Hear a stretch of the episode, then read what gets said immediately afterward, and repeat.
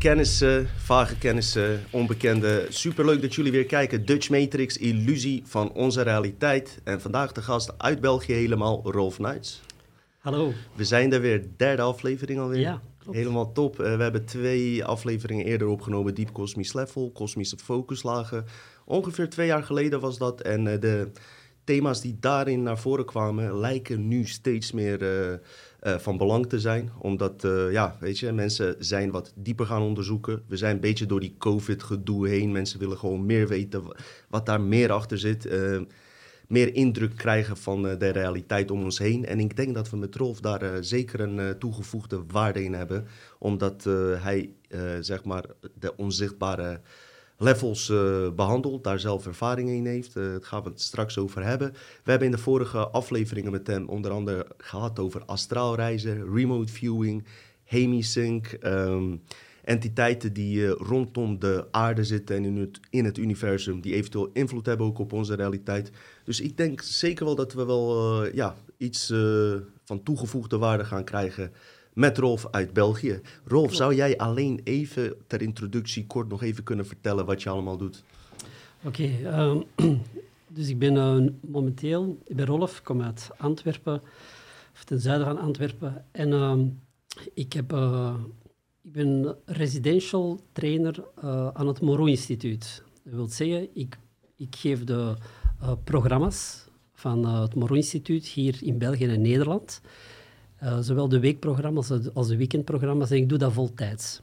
Dus, en, eh, ik doe dat onder de naam Focus 34, waarbij dat we eigenlijk de audiotechnologie die het Moreau Instituut heeft ontwikkeld en Bob Moreau heeft ontwikkeld, Hemisync, gebruiken wij als ondersteuning, zodat jij zelf naar eh, andere bewustzijnstaten kan reizen, die reeds in kaart zijn gebracht geweest, maar die je dus, dus zelf zonder enige laten we zeggen, voorkennis of zonder, zonder enig dogma eh, zelf kan ervaren wat dat die bewustzijnsstaten voor jou betekenen.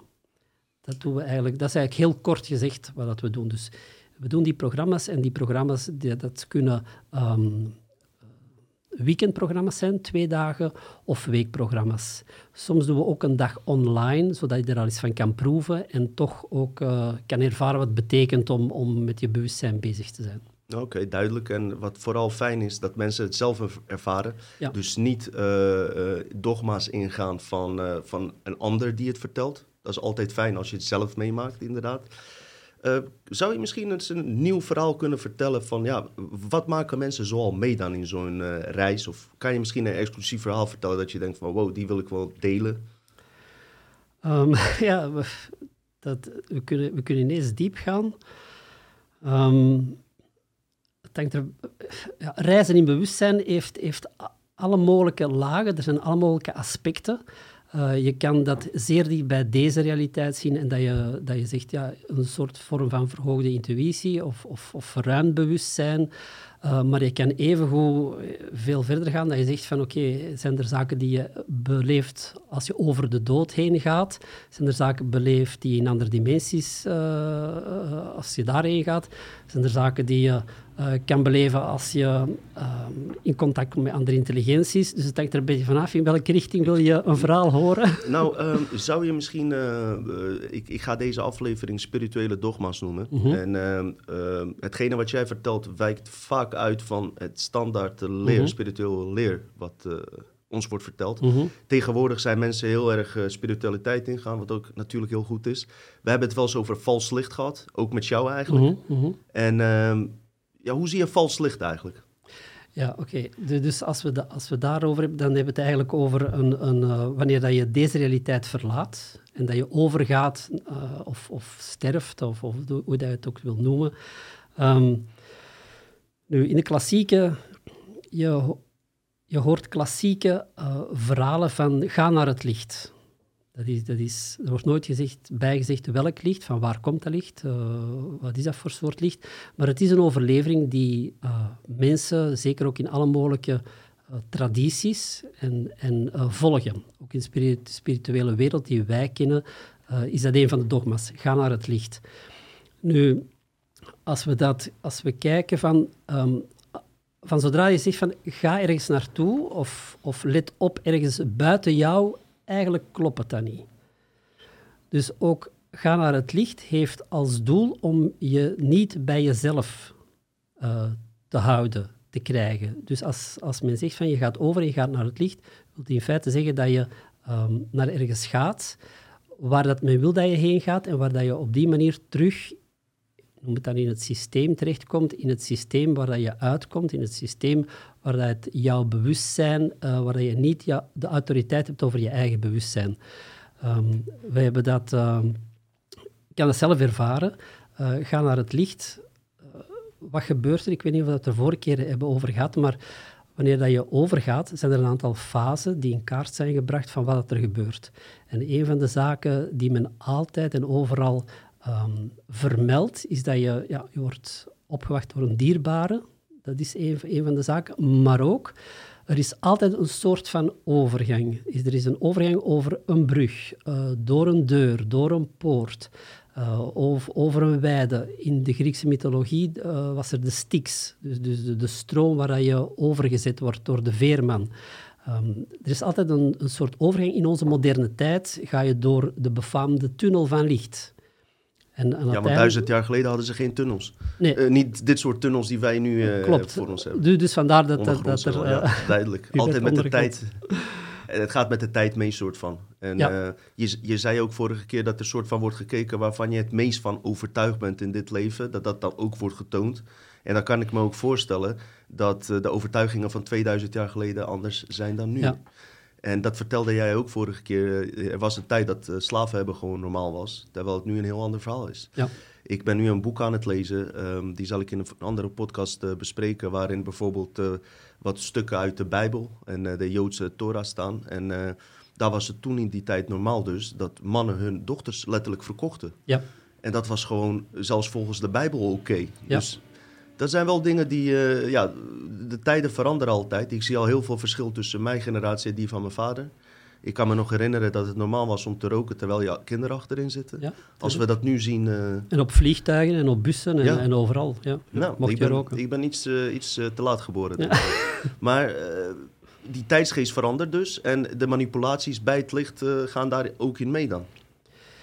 Ja, dus, de voorstelling van, van waar je naartoe gaat en op welke manier in, klopt. Uh, dus, dus, bijvoorbeeld de, de tunnel, 13, is 13% van de mensen die een bijna doodervaring hebben, die ervaren een tunnel. Voor de rest, en dat zal ongetwijfeld meer worden naarmate dat je dat, je, um, dat hebt. Dus wat wil dat eigenlijk zeggen? En dat, dat is niet alleen als je overgaat of bij anderen. Jouw um, ervaringen ook in, bij het reizen in bewustzijn, of dat het nu verruimd is of in andere dimensies, of je gaat uh, over de dood heen, die worden altijd gekleurd en gekaderd en ingevuld door de geloofssystemen waar die jij aanhangt. Ja, door de inzichten, de aannames, de geloofssystemen. En dat is cruciaal. Mm -hmm. Dus wat dat je meemaakt, is dat echt, geldt dat voor iedereen? Nee. Mm. nee. Dus je hoeft dat ook niet te verkondigen of de wereld kon te maken of te zeggen dit is de enige en ultieme waarheid. Nee, het is altijd gekleurd door jouw um, geloofssysteem.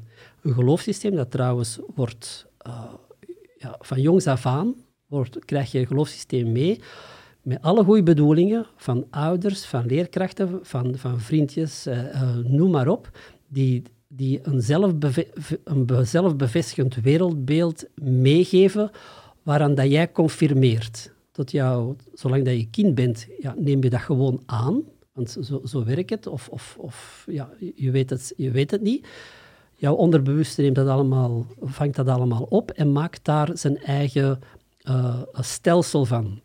Een stelsel waaraan jij gaat confirmeren. En het is een enorm sterk systeem, het is een enorm sterk um, ja, ontwerp, om het zo maar te zeggen. Want van zodra dat je een beetje ouder wordt en je gaat de regels overtreden die jij onbewust hebt aangenomen, dan ga je beginnen zelf te corrigeren. En als jij niet doet, zal jouw omgeving het wel doen. Hmm. Ja, maar zou je dat wel doen en, en mag dat wel? En, je, en plus, uh, je gaat jezelf corrigeren in die zin dat je zelf je gaat aanklagen van ja, maar dat mag je eigenlijk niet doen. Je gaat jezelf veroordelen, een oordeel over jezelf, van, maar dat kan niet. En je bent niet goed bezig, dus je bent jezelf klein aan het maken. En je gaat jezelf straffen. Ik heb het nu over energetisch. Hè? Mhm. Dus dat je zelf gaat straffen. Dus het, is een, het systeem waarin dat we leven is enorm eh, mooi eigenlijk opgebouwd, intelligent opgebouwd, dat het, dat het eh, zelf reguleert en dat de elementen daaruit, de mensen, jou gaan bijsturen of zichzelf bijsturen. Ja, duidelijk. Ik, ehm, ehm, als we het over dat vals licht hebben en eh, dan de entiteiten die de- met dat licht schijnen. Eh, ik heb bijvoorbeeld in eh Nag Hammadi geschriften. eh, praten ze over zeven argonten die je na de dood misleiden. Alle- Alleen de echte gnosticus wordt er verteld, die weet wat hij dan moet zeggen en noem maar op. Ik denk dat daar ook wel wat valkuilen in zitten. Maar het is wel opmerkelijk dat dat daar ook in is vermeld, zeg maar. Ja, dat klopt. Dus, dus je hebt... eh, ehm, het getal 7 komt, komt in veel tradities terug. En die, argo, die argonten, die, ehm, Zeven dagen van de week zijn ze ook naar vernoemd. ja, en die komen ook in het evangelie van Maria, eh, komen die ook, ook voor. Dus, eh, en nog in andere tradities trouwens ook. Het wordt ook in... in ehm, het zijn eigenlijk... Je kan het ook beschouwen als een soort zeven lagen ook, waar dat je, wanneer dat je geboren wordt, waar dat je doorgaat. En eigenlijk zeven lagen waar dat ook trauma's en... ehm, in de oude tradities noemen we het argonten, maar je zou het evengoed kunnen noemen lagen van programmatie waar dat je doorgaat voordat je, voordat je hier terechtkomt. En waar dat je, als je ehm, hier niet wil blijven of terugkeren, waar dat je terug door kan. Mhm. Ehm, die argonten op zich, of dat die zich effectief manifesteren als wezens, of die manifesteren zich op een andere manier, afhankelijk van jouw geloofssysteem. Weer al, jij vult het in, jij vult de energetische structuur in van wat dat jij ervaart als argont op dat moment. Als je ervan bewust bent, ehm, ja, dat hangt er vanaf. Maar het is, als je ehm, eh, buiten dit systeem wil geraken, ga je inderdaad door een aantal lagen moeten gaan. Het zijn het lagen informatie, energie, entiteiten, argonten, eh, het is hoe dat je het noemt. Nu, dat wil zeggen dat ehm, die argonten of die lagen, die kom je tegen op het moment dat je overgaat. Het licht dat je ziet, eh, waar we hebben over gesproken, dat licht is iets dat jou ah, eh, lokt, is, is een licht dat jou eh, terug in het systeem wilt trekken. Ehm, en, de, en de lagen die daar doorgaan zijn bepaalde bewustzijnslagen waar, dat je, waar je door kan. Nu, zo, nogmaals, zolang dat je dat buiten, gaat, buiten jezelf gaat zoeken, eh, klopt het niet en ga je die lagen tegenkomen. Als je naar binnen teruggaat, op het moment dat je wordt gelokt door licht, dan ga je door de poort van waar dat het oorspronkelijk ligt. Mhm. En hoe ga je naar binnen? Zou je, zou je dat kunnen uitleggen voor mensen die, eh, voor het geval dat je doodgaat een keer? Vast wel een keer. Voor het geval dat je dood- Ehm, het is eigenlijk gewoon dat je heel, heel bewust bent. Ik zeg, het, het, het gaat over bewustzijn. Ehm, bewust mee, bewust eh, zijn van wat dat je meemaakt op dat moment. Ja? Dus het belangrijkste dat je in dit leven kan doen, is leren sterven. Klinkt misschien een beetje luguber, morbide, maar... maar wat- Cynisch. eh, cynisch, maar wat bedoel ik daarmee? Ja, het is, je kan het cynisch noemen omdat wij sterven associëren met iets, iets erg, iets... iets oei, Ja, dat, dat, dan Zoals dat ons ons overkomt. natuurlijk, Ja. door onwetendheid. Maar het, het frappeert mij enorm dat zoveel miljarden mensen ehm, gewoon rondlopen en eten en drinken en weet ik wat nog doen en zich geen moment afvragen van, ja, maar wat is de bedoeling en wat is, wat is de volgende stap als je weet dat iedereen die hier toevallig geboren wordt, ook toevallig vertrekt. Dus het is, het, is het toch essentieel dat je, dat je zegt van wat is de bedoeling en naar waar gaan we en wat is de volgende stap en zo verder. En dat gebeurt Is dan amper. ook, eh, denk ik, een he- hele grote chantagemiddel dat het dood, zeg maar. Want alle programma's worden uitgevoerd voor veiligheid, omdat mensen bang zijn om dood te gaan. Ja. En juist door het, de, de onwetendheid daarvan zijn ze makkelijker te manipuleren. En daarom krijgen we het ook niet op school bijvoorbeeld, eh, dit soort informatie. Ja, ehm, wacht, ik kan, ik kan het anders een beetje opentrekken. Want, want, Ja hoor, want- doe maar. even- Ga je gang. Ik ga, Rustig aan. En, en, ehm, ik zou... misschien eerst even, even illustreren ehm, wie dat we hier zijn, hoe dat we hier zijn gekomen, wat een beetje de bedoeling is en wel, wat dat systemen zijn de, die, die ervoor zorgen dat je hier blijft en zo. En daar, dan passeren we ook alle mogelijke spirituele dogma's. Maar onderbreek mij gerust als ik, als ik afdwaal. Ja? Ik mag niet onderbreken van mijn kijkers. Dus, Ah, eh, dus ehm, ik, wat ik zou graag doen is een beetje een structuur meegeven waarin, dat, waarin dat, eh, we kunnen eh, de zaken een beetje kaderen. Nu, het is ook maar een structuur, het is ook maar een kader dat, dat, dat, ja, dat aangeeft. Het kader is niet wat het is, hè, is niet de realiteit. Het is gewoon een houvast. En het is enerzijds gebaseerd op wat Moreau heeft ontdekt en anderzijds gebaseerd op eigen ervaringen en alle mogelijke ervaringen die ik met mensen heb gehad, eh, die, die deelnamen aan de weken en, zo meer. Om, een, om een begrip te hebben van, van de verschillende gelaagdheid van onze realiteit, ehm, is het misschien interessant om te denken van het volgende. Er wordt dikwijls gesproken over vorige levens. Laten we daarmee beginnen. Vorige levens, ik heb er vorige keer ook, ook iets over gezegd, eh, maar niet zo uitgebreid, denk ik. Veel mensen spreken over vorige levens. Nu, ehm, je hebt geen vorig leven gehad. Heel eenvoudig, vorige levens bestaan niet. En mensen in die kwantumhypnose dan, eh, die eh, zeg maar vorige levens herinneren. Ik, ik, ik weet precies wat je bedoelt, maar mensen vragen zich nu af van ja, Ja. maar tijdens mijn hypnose ben ik toch echt eh, die farao geweest. Ja. Ehm, dus vorige levens bestaan niet, andere levens wel. Mhm. Waarom andere levens? En er bestaan ook nog imprints en, en noem maar op, maar dat gaan we even op, opzij laten. Laten we het een beetje overzichtelijk houden. Maar andere levens, wat bedoel ik ermee? Jij maakt deel uit van een totale zelf. En een totale zelf, hoe kan je dat defini- definiëren? Eh, het totale zelf, en ik spreek bewust over een totale zelf, niet, niet geen hoger zelf. Eh, een hoger zelf heb je altijd van, ah ja, maar het is hoger dan mezelf. Nee, er is niks hoger dan, dan jezelf.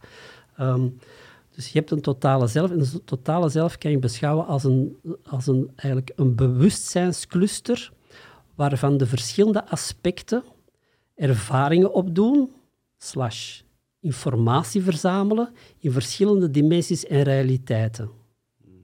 Zo zou je het kunnen noemen. Dus wat wil dat zeggen? Jij, Dino, bent een aspect van jouw totale zelf. Dat totale zelf heeft onnoembaar, heeft, heeft enorm veel aspecten. Aspecten die elk op zich een ervaring hebben op aarde, in deze aardse realiteit, op andere werelden, andere dimensies, gelijk waar. Mhm. Nu, jij bent uniek, een uniek aspect van het totale zelf en jij hebt je ervaringen. Uiteraard ben je niet het enige dat hier op aarde al eens heeft rondgelopen van jouw totale zelf. Dus er zijn andere aspecten. Vermis dat jij tot dezelfde cluster behoort, is het heel gemakkelijk voor jou om daarop in te loggen.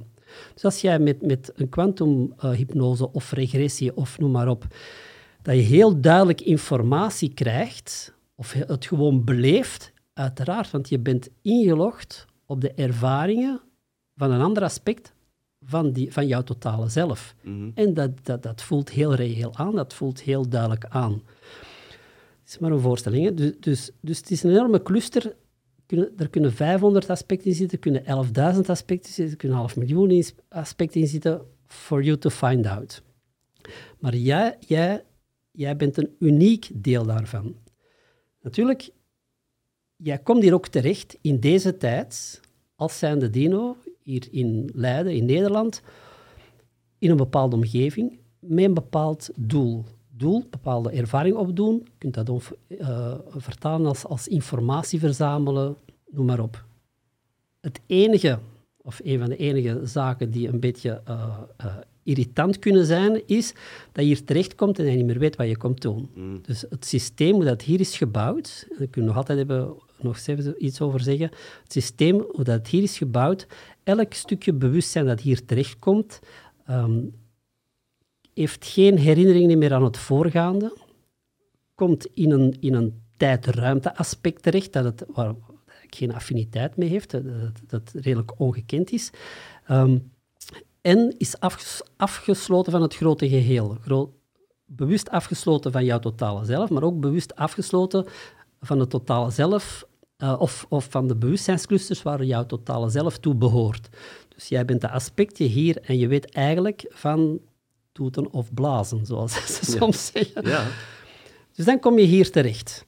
En, en het is dat stukje, bewustzijn, dat dan zijn weg komt zoeken. En uh, dat van niks weet. En dat uh, um, eigenlijk zich begint te uiten. Dat komt terecht hier in een aards ruimtepak. Jouw lichaam. Bij het een is het al beter gelukt dan bij de andere lichaam. Ik ben tevreden. Uh, Oké, okay, ik ben tevreden. Zolang maar gooi iets van de buik weg. Maar... Zolang dat jij maar tevreden bent, is geen probleem. Um, maar en met behulp van dat um, uh, aardslichaam ga je, verschillen, ga je eigenlijk een persoonlijk zelf ontwikkelen. Dat hier kan interageren en dat hier kan uh, deelnemen aan deze realiteit. Dus je hebt dat totale zelf, je hebt dat originele zelf, waar dat, dat aspectje de originele vlam die hier eigenlijk terechtkomt, die hier met zeer bewust doel is, maar waardoor het systeem niet meer weet waarom juist, maar je voelt dat wel, er is iets. Mhm.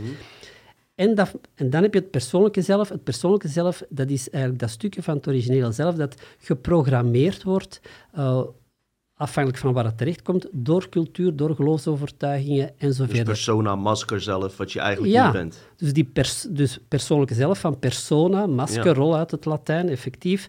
Dus je, vers- je speelt verschillende rollen, je confirmeert aan verschillende eh, systemen en je uit niet jouw oorspronkelijke energie waarom dat je hier bent. En we krijgen straks ook nog digitale zelf, dus komt nog een extra aspect. komt nog eentje bij. En, en zo kunnen we ook eigenlijk precies zien wat jij net vertelt. Want als jij deze wereld als originele zelf zou beschouwen, laten we even Mhm. zeggen dat dat het is. En als we straks hele eh, diepe virtual realities krijgen, krijg je een digitale zelf.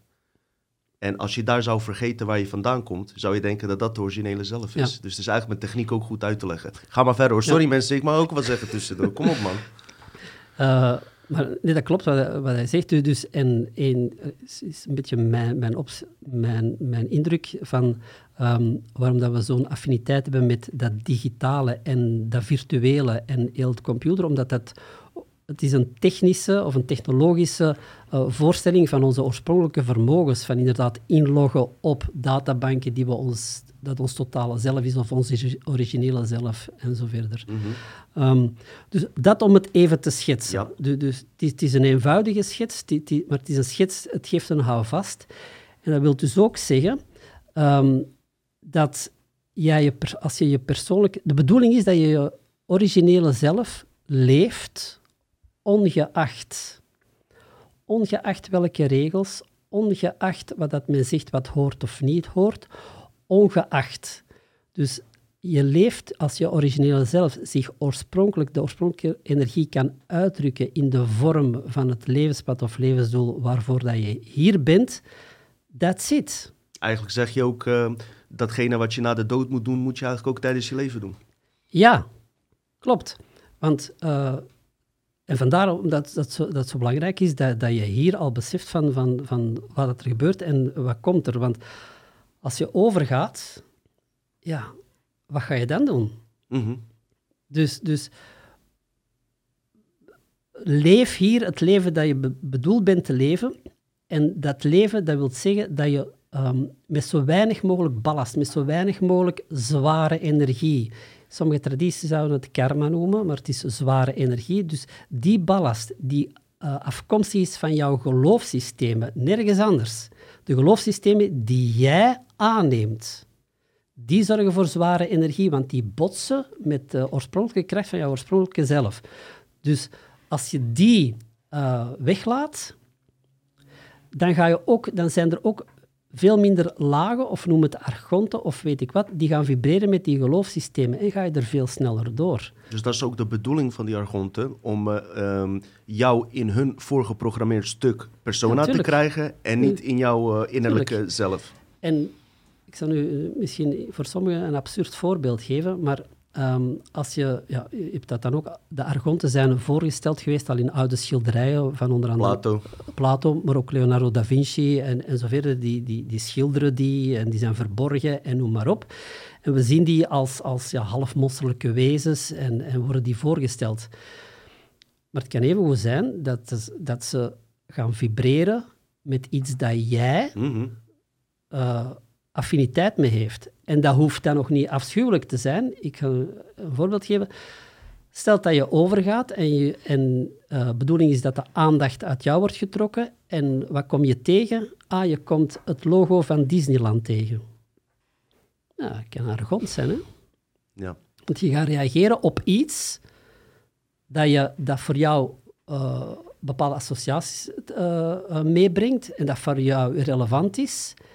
En jouw eh, geloofssysteem gaat zich projecteren op de energiestructuur die daarvoor dient. Dat past ook wel wat eh, Martijn van Staveren zegt. Die zegt, argonten zijn helemaal geen wezens. Het is kunstmatige artificial intelligence van Hm. eh, gigantische miljarden jaren oud. Kan je het daarin vinden dan? Hoe Die dat- zich dus kan aanpassen qua Ja. energie naar datgene wat jij wenst. Net als Tuurlijk. een virtual reality. eh, maar, zeg maar het is maar hoe dat je het vertaalt. Ik bedoel, Mm. wij vertalen het als artificial intelligence van miljarden jaren oud. Klopt. De Kataren vertalen het op andere manieren. Eh, Plato als argonte, als, als wezen. Door de tijdsgeest ook. hè? Door de tijdsgeest plakken wij daar andere begrippen op. Maar de essentie blijft hetzelfde. Mhm. Het is inderdaad een energie, noem het een energie, of informatie, we, we zitten in een informatietijdperk ook, die zich aanpast aan Mhm. en die bepaalde zaken bij jou wil teweegbrengen. Ja, duidelijk. Ja, Eh, programma's, eh, scripts. De bedoeling hierachter, Bo- eh, Boeddha heeft eh, hier ook wel eens over gehad, over de karmisch wil. Nou, geloof jij ook eh, in karma op een andere manier, of helemaal niet, kunnen we het ook straks even misschien dieper Mhm. uitleggen. Dat karma-model, nou, ik ben al ook jaren mee bekend dat dat een misleiding is. Ehm, zou je mij kunnen vertellen dan, wat, zeg maar, de mensen die zich in het vorige leven herinneren dat ze Nefertiti waren, Mhm. Eh, wat mij opviel is dat er wel duizenden mensen gehypnotiseerd zijn over de wereld die Nefertiti waren. Ja. En ik neem aan, eh, dat maakten ze gewoon mee in een echte hypnose. Dus Ja. die mensen verzinnen dat niet. Die Mhm. zijn daar ook van overtuigd. Dat geloof ik Mhm. allemaal wel. Maar hoe kan je allemaal Nefertiti zijn geweest? Ja, dat vind ik een heel goed, want eh, we hebben afgelopen weekend toevallig ook een weekend gegeven. En dat ging over het hartbewustzijn, maar ook over, over deze onderwerpen. En ik heb net hetzelfde voorbeeld genomen toen. Oh, serieus? ja. En nu, maar er wa- was, je kan op verschillende manieren bekijken. Ehm, natuurlijk, het kan zijn dat het totale zelf van Nefertiti, dat dat heel uitgebreid is. En dat al die mensen onderdeel zijn van het totaal zelf van Nefertiti, waardoor, waardoor ze het kunnen op inloggen. Mhm. En dat ze die ervaring kunnen kanaliseren en, en, en, en meemaken. Nu, ehm, daar heb ik een beetje mijn twijfels over. Eh, ik, heb, ik ken verschillende mensen.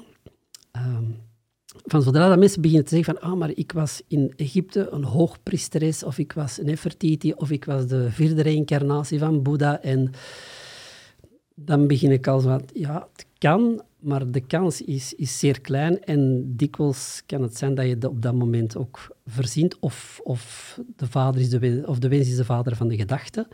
Ehm, Je nu- bent ook bekend met inserties natuurlijk, met ja, valse ja, implants. Dat kan ook, hè? dus uiteraard. Dus, dus dat kan ook. Ehm, maar wat, wat, wat mijn ervaring een beetje is, en zeker met mensen die ehm, via Hemisync, in dit geval via programma's, in contact komen met andere levens, die zijn echt niet spectaculair. Dat is van, ah ja, ik, ben, ik, ben, ik was in Zuid-Amerika Mhm. en ik was, ik was een boer en dat in, in, in het jaar 1600, bij wijze van spreken. En het enige dat ik heb gedaan is aardappelen planten en op mijn 32 eh, ben ik gestorven van, van miserie, bijvoorbeeld. Mm, ja. Of ik zat op een eiland in, eh, in, de, in de Stille Zuidzee en ik lag heel een dag op het strand en ik ging vissen en, sa- en ik had drie vrouwen en, en Nou, dat is dan wel... Eh, dat dacht ik. Maar toen kon het wel. Dat was de tijdsgeest van toen, hè. En nu gaan ze allemaal... Oh, oh drie vrouwen.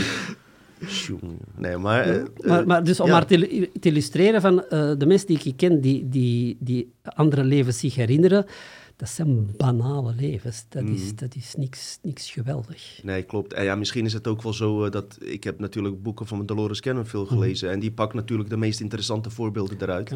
Is er een verschil ook hoe je die hypnose doet? Want wat ik opmerk is dat niemand het hart erbij betrekt. Mhm.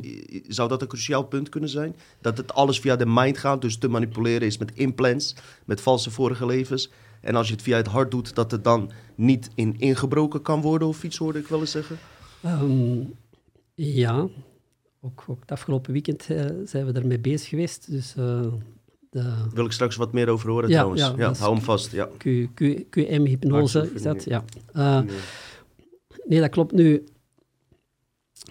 Het is eigenlijk, ja, het is eigenlijk de relatie tussen het, het, het brein en het hart. Um, ja, je hebt, je hebt een linker en een rechter hersenhelft, uiteraard. Of, ja, of niet uiteraard, sommigen hebben dat niet. De meeste mensen. um, waarbij dat, uh, de linkerkant de rechter uh, aanstuurt, rechter de linker. De linkerkant hè, is de analytische kant, de kant, de reden, de patronen, kant, de programmeerbare kant. De kant die weet dat die afgesloten is. De mannelijke kant, de rechterkant is degene die verbonden is met het geheel, de vrouwelijke, intuïtieve, creatieve kant, noem maar op. Um, nu, er bestaat, en dan heb je het hart ook uiteraard. Nu, er bestaat een, een voortdurende communicatie tussen het brein en het hart. Natuurlijk, waarom is het belangrijk, wat we met Hemisync ook doen, we, we, we, beginnen eigenlijk met het brein. En ik zou kunnen zeggen, ja, maar hoe kun je via het brein naar het hart gaan als, als het hart, hart is, het, elektromagnetisch veld van het hart is zoveel keer sterker dan het brein. Het, het 40.000 eh, keer is ook veel intelligenter. Uh, aansturende factor ook. Hè? Aansturende factor, noem maar op. Waarom beginnen we hier? Er is een, een, een communicatie. Dus wat wil dat zeggen? Dat als je dit in zin krijgt, dus in onze maatschappij, in, in onze cultuur, is die linkerkant overgeactiveerd. Mm De analytische kant. Dat is de kant waarin dat we voortdurend met ons geloofssystemen bezig zijn. Dus van zodra dat je in stress en in, in, in miserie komt en zo verder, dat, dat is een teken dat je botst tegen de geloofssystemen die kunstmatig zijn, die geïmplementeerd zijn, geprogrammeerd zijn aan de linkerkant. Van zodra dat je beide hersenhelften begint te synchroniseren, waarbij, waarbij dat ze in, in, in uh, evenwicht zijn, in balans zijn, ja, dan gaat die linkse niet meer overheerst zijn. Dan komt die creatieve kant, die kant die ook uh, betrokken is uh, en verbonden is met, met het geheel, de kant die ook in communicatie kan gaan met jouw totale zelf. Mm -hmm. Dus die twee, dus, dus, dus, die twee kanten gaan samen, samenwerken. Wat wil dat zeggen? Dat de informatie die op dat moment Ten eerste, je gaat veel meer in sync zijn, je gaat veel meer in relaxstaat zijn, in een gecombineerde staat van ontspanning en focus. In die staat, wat ook de flow wordt genoemd, gaat de communicatie van jouw brein naar het hart veel stabieler zijn, veel zuiverder zijn. Dus de informatie die, die naar jouw hart komt, gaat ervoor zorgen dat uh, de communicatie ook van jouw hartstreek, uh, dat die bewust wordt. Snap Dat wil dus zeggen dat wanneer het hart iets gaat terugsturen, de communicatie, dat het brein dat nu niet in de linkerkant zit, want het hart kan iets sturen van, kijk, het hart kent de weg. Dat is de weg, maar als die communicatie niet zuiver is en enkel het linker reageert, dan gaat dat zeggen, ja, maar dat kan niet, want je moet dit doen, je moet dat doen, dat mag niet, dat was gaan de hmm. anderen zeggen en zo verder. Oorzaak en gevolg, uh, ja. een beetje, ja. En terwijl dat in sync is, dan gaat dat niet overheersend zijn en dan kan het ook in jouw, in jouw, in, in jouw totaal komen. En dan kan jij beginnen reageren en het brein gehoorzaamt zelf de signalen van het hart en kan je veel duidelijker en, en, en uh, objectiever en meer in balans doen, volgen wat het hart zegt en in communicatie met het hart gaan. Mm Dit kan op die manier gekaapt worden door die, die insertie van al die mogelijke kunstmatige geloofssystemen. Maar als je dit ondergeschikt begint te maken aan de informatie die hiervan komt, op een bewuste manier, dan verandert het. Duidelijk, duidelijk. Uh, ik merk gewoon dat die spirituele leer uh, vooral op mindfulness, uh, mind, mind, mind, mind gebaseerd is. En werkelijk waar bijna nergens werd er over hart gesproken. De laatste tijd wat meer. Ook door HeartMath Instituut, die uh, ja. supermooie resultaten daarin gewoon heeft laten zien. Um, ik denk dat veel kijkers ook graag zouden willen weten uh, van, uh, je praat er heel duidelijk over en alles, maar hoe, hoe weet je dat, vragen ze zich af. Heb je het zelf meegemaakt of kan jij vertellen exact hoe je met die koptelefoons nou werkelijk in de focuslag 23 was het volgens mij, religie, uh, de leven na de dood? Heb ik ja, vanaf ja, in 23, in 23 kom je terecht in een uh, bewustzijnstaat waar dat mensen zitten die niet weten dat ze zijn overgegaan. Precies. Maar zou je dan kunnen vertellen hoe dan zoiets gaat? Iemand komt bij jou, doet de koptelefoon op. Wat gebeurt er? En, ik, en, en diegene wil ervaren in dit leven gewoon van hoe het is om in die staat van na de dood te zijn. Om het mee te maken een keer.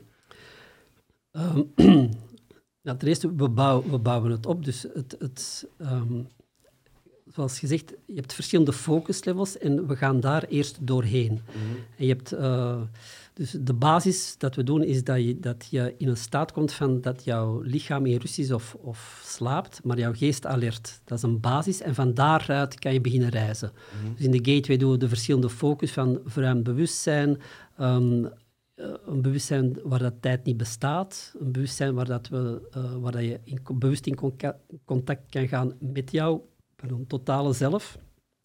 En dan gaan we naar de focuslevels daarover, eh, eh, die over de dood heen gaan.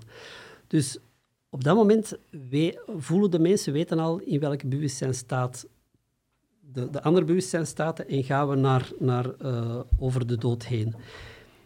En daar is het, ehm, ja, je, je ervaart dat gewoon. ehm, en het belangrijkste zijn, zijn eigenlijk een paar dingen die belangrijk zijn. Ten eerste, dat je, ehm, ik kan misschien eigenaardig klinken, maar dat je geaard bent.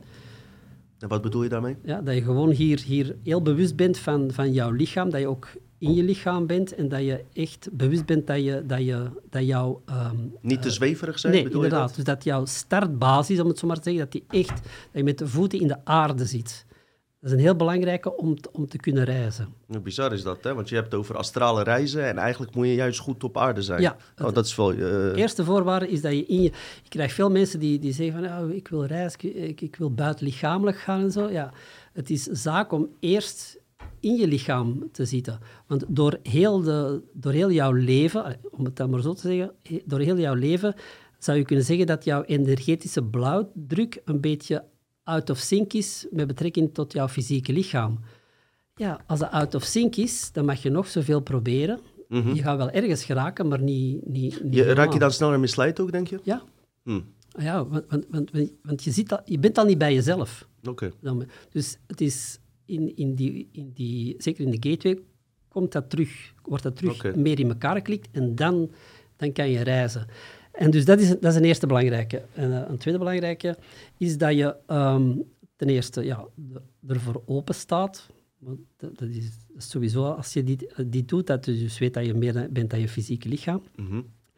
Ehm, maar dat je dan de grootste kracht begint te gebruiken die de mens ter beschikking heeft. En dat is jouw verbeeldingskracht, jouw fantasie. Mhm. Jouw verbeeldingskracht, dat is de taal waarmee dat je met je totale zelf kan praten. Dat is, de, dat is het kanaal waarmee dat je het in gang zet. En dat, dat is iets dat wij afleren. Dus ik heb zoveel mensen die zeggen, ja, maar ik heb dit en dit meegemaakt, maar goh, heb ik dat niet verzonnen? Ja, ik hoop dat je het hebt verzonnen. Ik hoop dat je dat, je dat inderdaad hebt gedaan, want daarmee zet je het in gang. Dus het, ik heb altijd het volgende voorbeeld. Stel dat je zegt van, ehm, je wilt dat er iets gebeurt in een ander bewustzijnstaat. Dat is net hetzelfde als dat het hier gebeurt. Als je zegt van, stel dat je hier zit en ik zeg, ik zeg ah, ehm, ik wil een thee. Ik wil een thee. Mhm.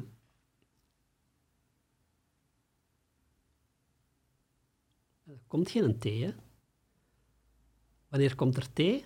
Als je iets in gang zet. Ah, ik kan het aan, je, oh, ik kan het aan jou vragen, of ik kan, ik kan eh, zelf thee pakken, of gelijk. Ik zet het in gang. Energetisch, via dit ruimtepak in deze realiteit, in een ander bewustzijn staat, door je verbeelding, door je fantasie, zet je het in gang. Dat wil zeggen, je, zet, je, je laat energie stromen zodat er kan gereageerd worden. Zolang dat er niet wordt, zolang dat er niet wordt gereageerd, blijf je fantaseren. Op een gegeven moment komt er iets dat je niet verwacht. Dan zeg je van, wow, dat, dat, dat zou ik niet kunnen verzinnen. En dan zit je erin. En dan weet je dat je erin bent. En het mooie natuurlijk is, en we hebben het eh, een paar weken geleden hebben we de lifeline gedaan, waar de mensen inderdaad naar die bewustzijnstaten over de dood heen gaan. Het heel mooie is dat je het kan ook verifiëren. En we hadden een dame die ehm, uit, een, uit een oefening kwam en ze zei van ja, ik heb... ik ben iemand tegengekomen in 23 die niet wist dat hij was overleden, overgegaan. heeft een, had een ongeval gehad. Had, zij had de naam aan die man gevraagd, zelfs de naam van de vrouw. Ehm, en waar het was gebeurd, veel informatie. Het was recent gebeurd, het was drie of vier maanden geleden gebeurd in de Verenigde Staten. En het mooie is, zij is op internet gaan, gaan kijken en ze heeft daar het artikel gevonden met de foto en met de naam van de vrouw en alles klopte. Wauw. En dan weet je van, oké, ja, ik, ik, ben daar. Het is echt. Ik wil nog even tegen mensen even zeggen, kijk zeker nog uh, onze eerste twee afleveringen. Deep Cosmisch Level, Cosmisch, Kosmische Focuslagen was de tweede aflevering. Waarin Rolf nog gedetailleerder vertelt bijvoorbeeld hoe de semi-hemisync uh, werkt. Door uh, verschil in frequenties te, te, plaatsen eigenlijk. Ze zetten die in een frequentie, althans dat doe je zelf, hè, die je normaal niet hoort. Ze maken het ongehoorbare hoorbaar, toch? Ja. En dat is best wel... Kijk, waar we het over hebben is... Monroe Instituut, even tussendoor mensen. Het is iets gigantisch groot. Bob Monroe was een hele rijke zakenman... Het was voor hem niet nodig om hier geld mee te verdienen en hier misbruik van te maken. Hij geloofde hier tot zijn laatste adem uh, hierin. Um, tijdens het schrijven van mijn boek, ik heb hem, uh, ben ik uh, ook dit heb ik even doorgenomen. En toen ontdekte ik twee dingen. Jij vertelde hier kort over. In een van zijn boeken heeft hij, is hij in een laag geweest dat hij in een andere dimensie of een andere planeet was, waar hij een uh, bevolking heeft ontmoet die onderdrukt werd door Draco Reptilians. Vond ik voor onze thema's heel hm. boeiend. Maar waar ik nog meer ver, verbaasd van stond te kijken was die samenwerking met CIA, zeg maar. Mm -hmm. En Bob Monroe, dat die, dat die door de Reptilians werden onder, onderbroken. Ken je dat verhaal? Dat reptilians gewoon, uh, zeg maar, uh, werden waargenomen door de testpersonen die afzonderlijk van elkaar uh, zaten en andere wezens. Heb je dat een beetje onderzocht ook? Ik, of, ben je daar bekend mee? Wat onderzocht? De... Nou, die Monroe Instituut en CIA, dat ze samen zeg ja, ja, maar een proef hadden gedaan naar dit. Want eigenlijk wat je net vertelt, als dingen verifieerbaar zijn, zou je kunnen afvragen waarom wordt er geen serieus onderzoek op gedaan. Maar dat is wel degelijk geweest, hè? Ja. Kan je daar wat misschien over vertellen? Um, ja, er zijn veel verhalen. Nu specifiek over, ja, ik weet CIA en, en het Moreau Instituut. Ik weet ook um, dat eh, Bob Moreau noemde de, de, de, reptilians die hij tegenkwam, de, de crocodile people. Ja, ja, ja. Crocodile people noemde hij ze. Um, dus inderdaad, maar op een gegeven uh, uh, ja, het, het is uh, al, al die diensten, al die, die geheime diensten en, en die met al die zaken ook bezig zijn, uh, die weten dikwijls niet van elkaar. Tot op zekere hoogte weten die van elkaar niet wat, wat, wat dat ze bezig zijn of wat hun kennis dat ze hebben. En dus wat dat uh, Bob Moreau vermis dat ze met CIA bezig waren en uit uh, buitenlichamelijk gingen en die, die begonnen te onderzoeken naar de aard, de oorsprong van, van, van de aarde en hoe dat in elkaar zit, komen ze die reptilians tegen. Um, of de crocodile people.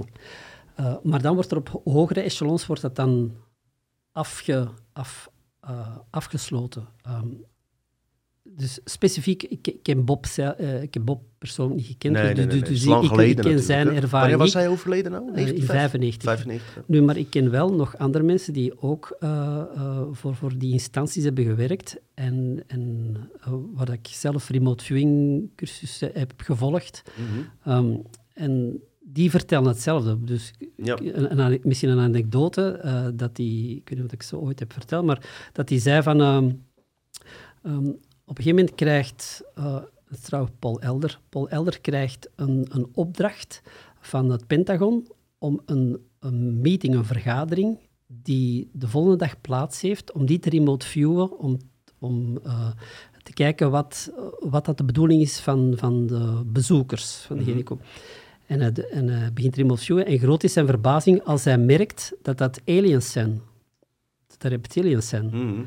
En ook die, en die weten, die merken dat hij aan het remote viewen is. En zij zeggen van, hola, wat gebeurt hier? En zij blokkeren het ook. En hij wordt, hij wordt afgesloten. Mm -hmm. En dat remote view komt steeds vaak ook in de nieuwe media nu voor. Op Netflix ja. was er ook zelfs een documentaire over waar ik van stond te kijken. Mm -hmm. Waarbij gewoon iedereen, uh, inderdaad wat jij ook vertelde, iedereen kan het gewoon eigenlijk. Ja, iedereen kan Dat het. zegt ook wel wat over onze menselijke vermogens die we niet gebruiken, toch? Ja, um, die, die menselijke vermogens, die, die zitten in jou, die zijn er. Mhm. Het is gewoon, ze zijn bedolven onder alle mogelijke... Ik vond het bizar dat ze gewoon een proef deden met willekeurige mensen. Mhm. Gewoon die hun, bij hun eerste les al gewoon duidelijk... eh, dus iemand anders ging eh Ja, 200, 300 meter staan op een bepaalde plek waar diegene Ja. niks van af wist. ja, Die ene hier gaat voor het eerst remote viewen en heeft gewoon 7, 8. Ik kreeg nu ook. Ik heb gewoon 7, 8 duidelijke kenmerken van hoe het hek was en eh, wa- wat voor kleuren erop waren. En ik stond er echt van te kijken. En ik vraag me alleen af, eh, waarom staat het op Netflix? Is ons gezamenlijk collectief bewustzijn eindelijk zo ver dat het een beetje de mainstream redt? redt? Hoe zie je dat? dat is een goede vraag. Ehm, naar aanleiding van de vorige keer, ehm, eh, dat was 2020.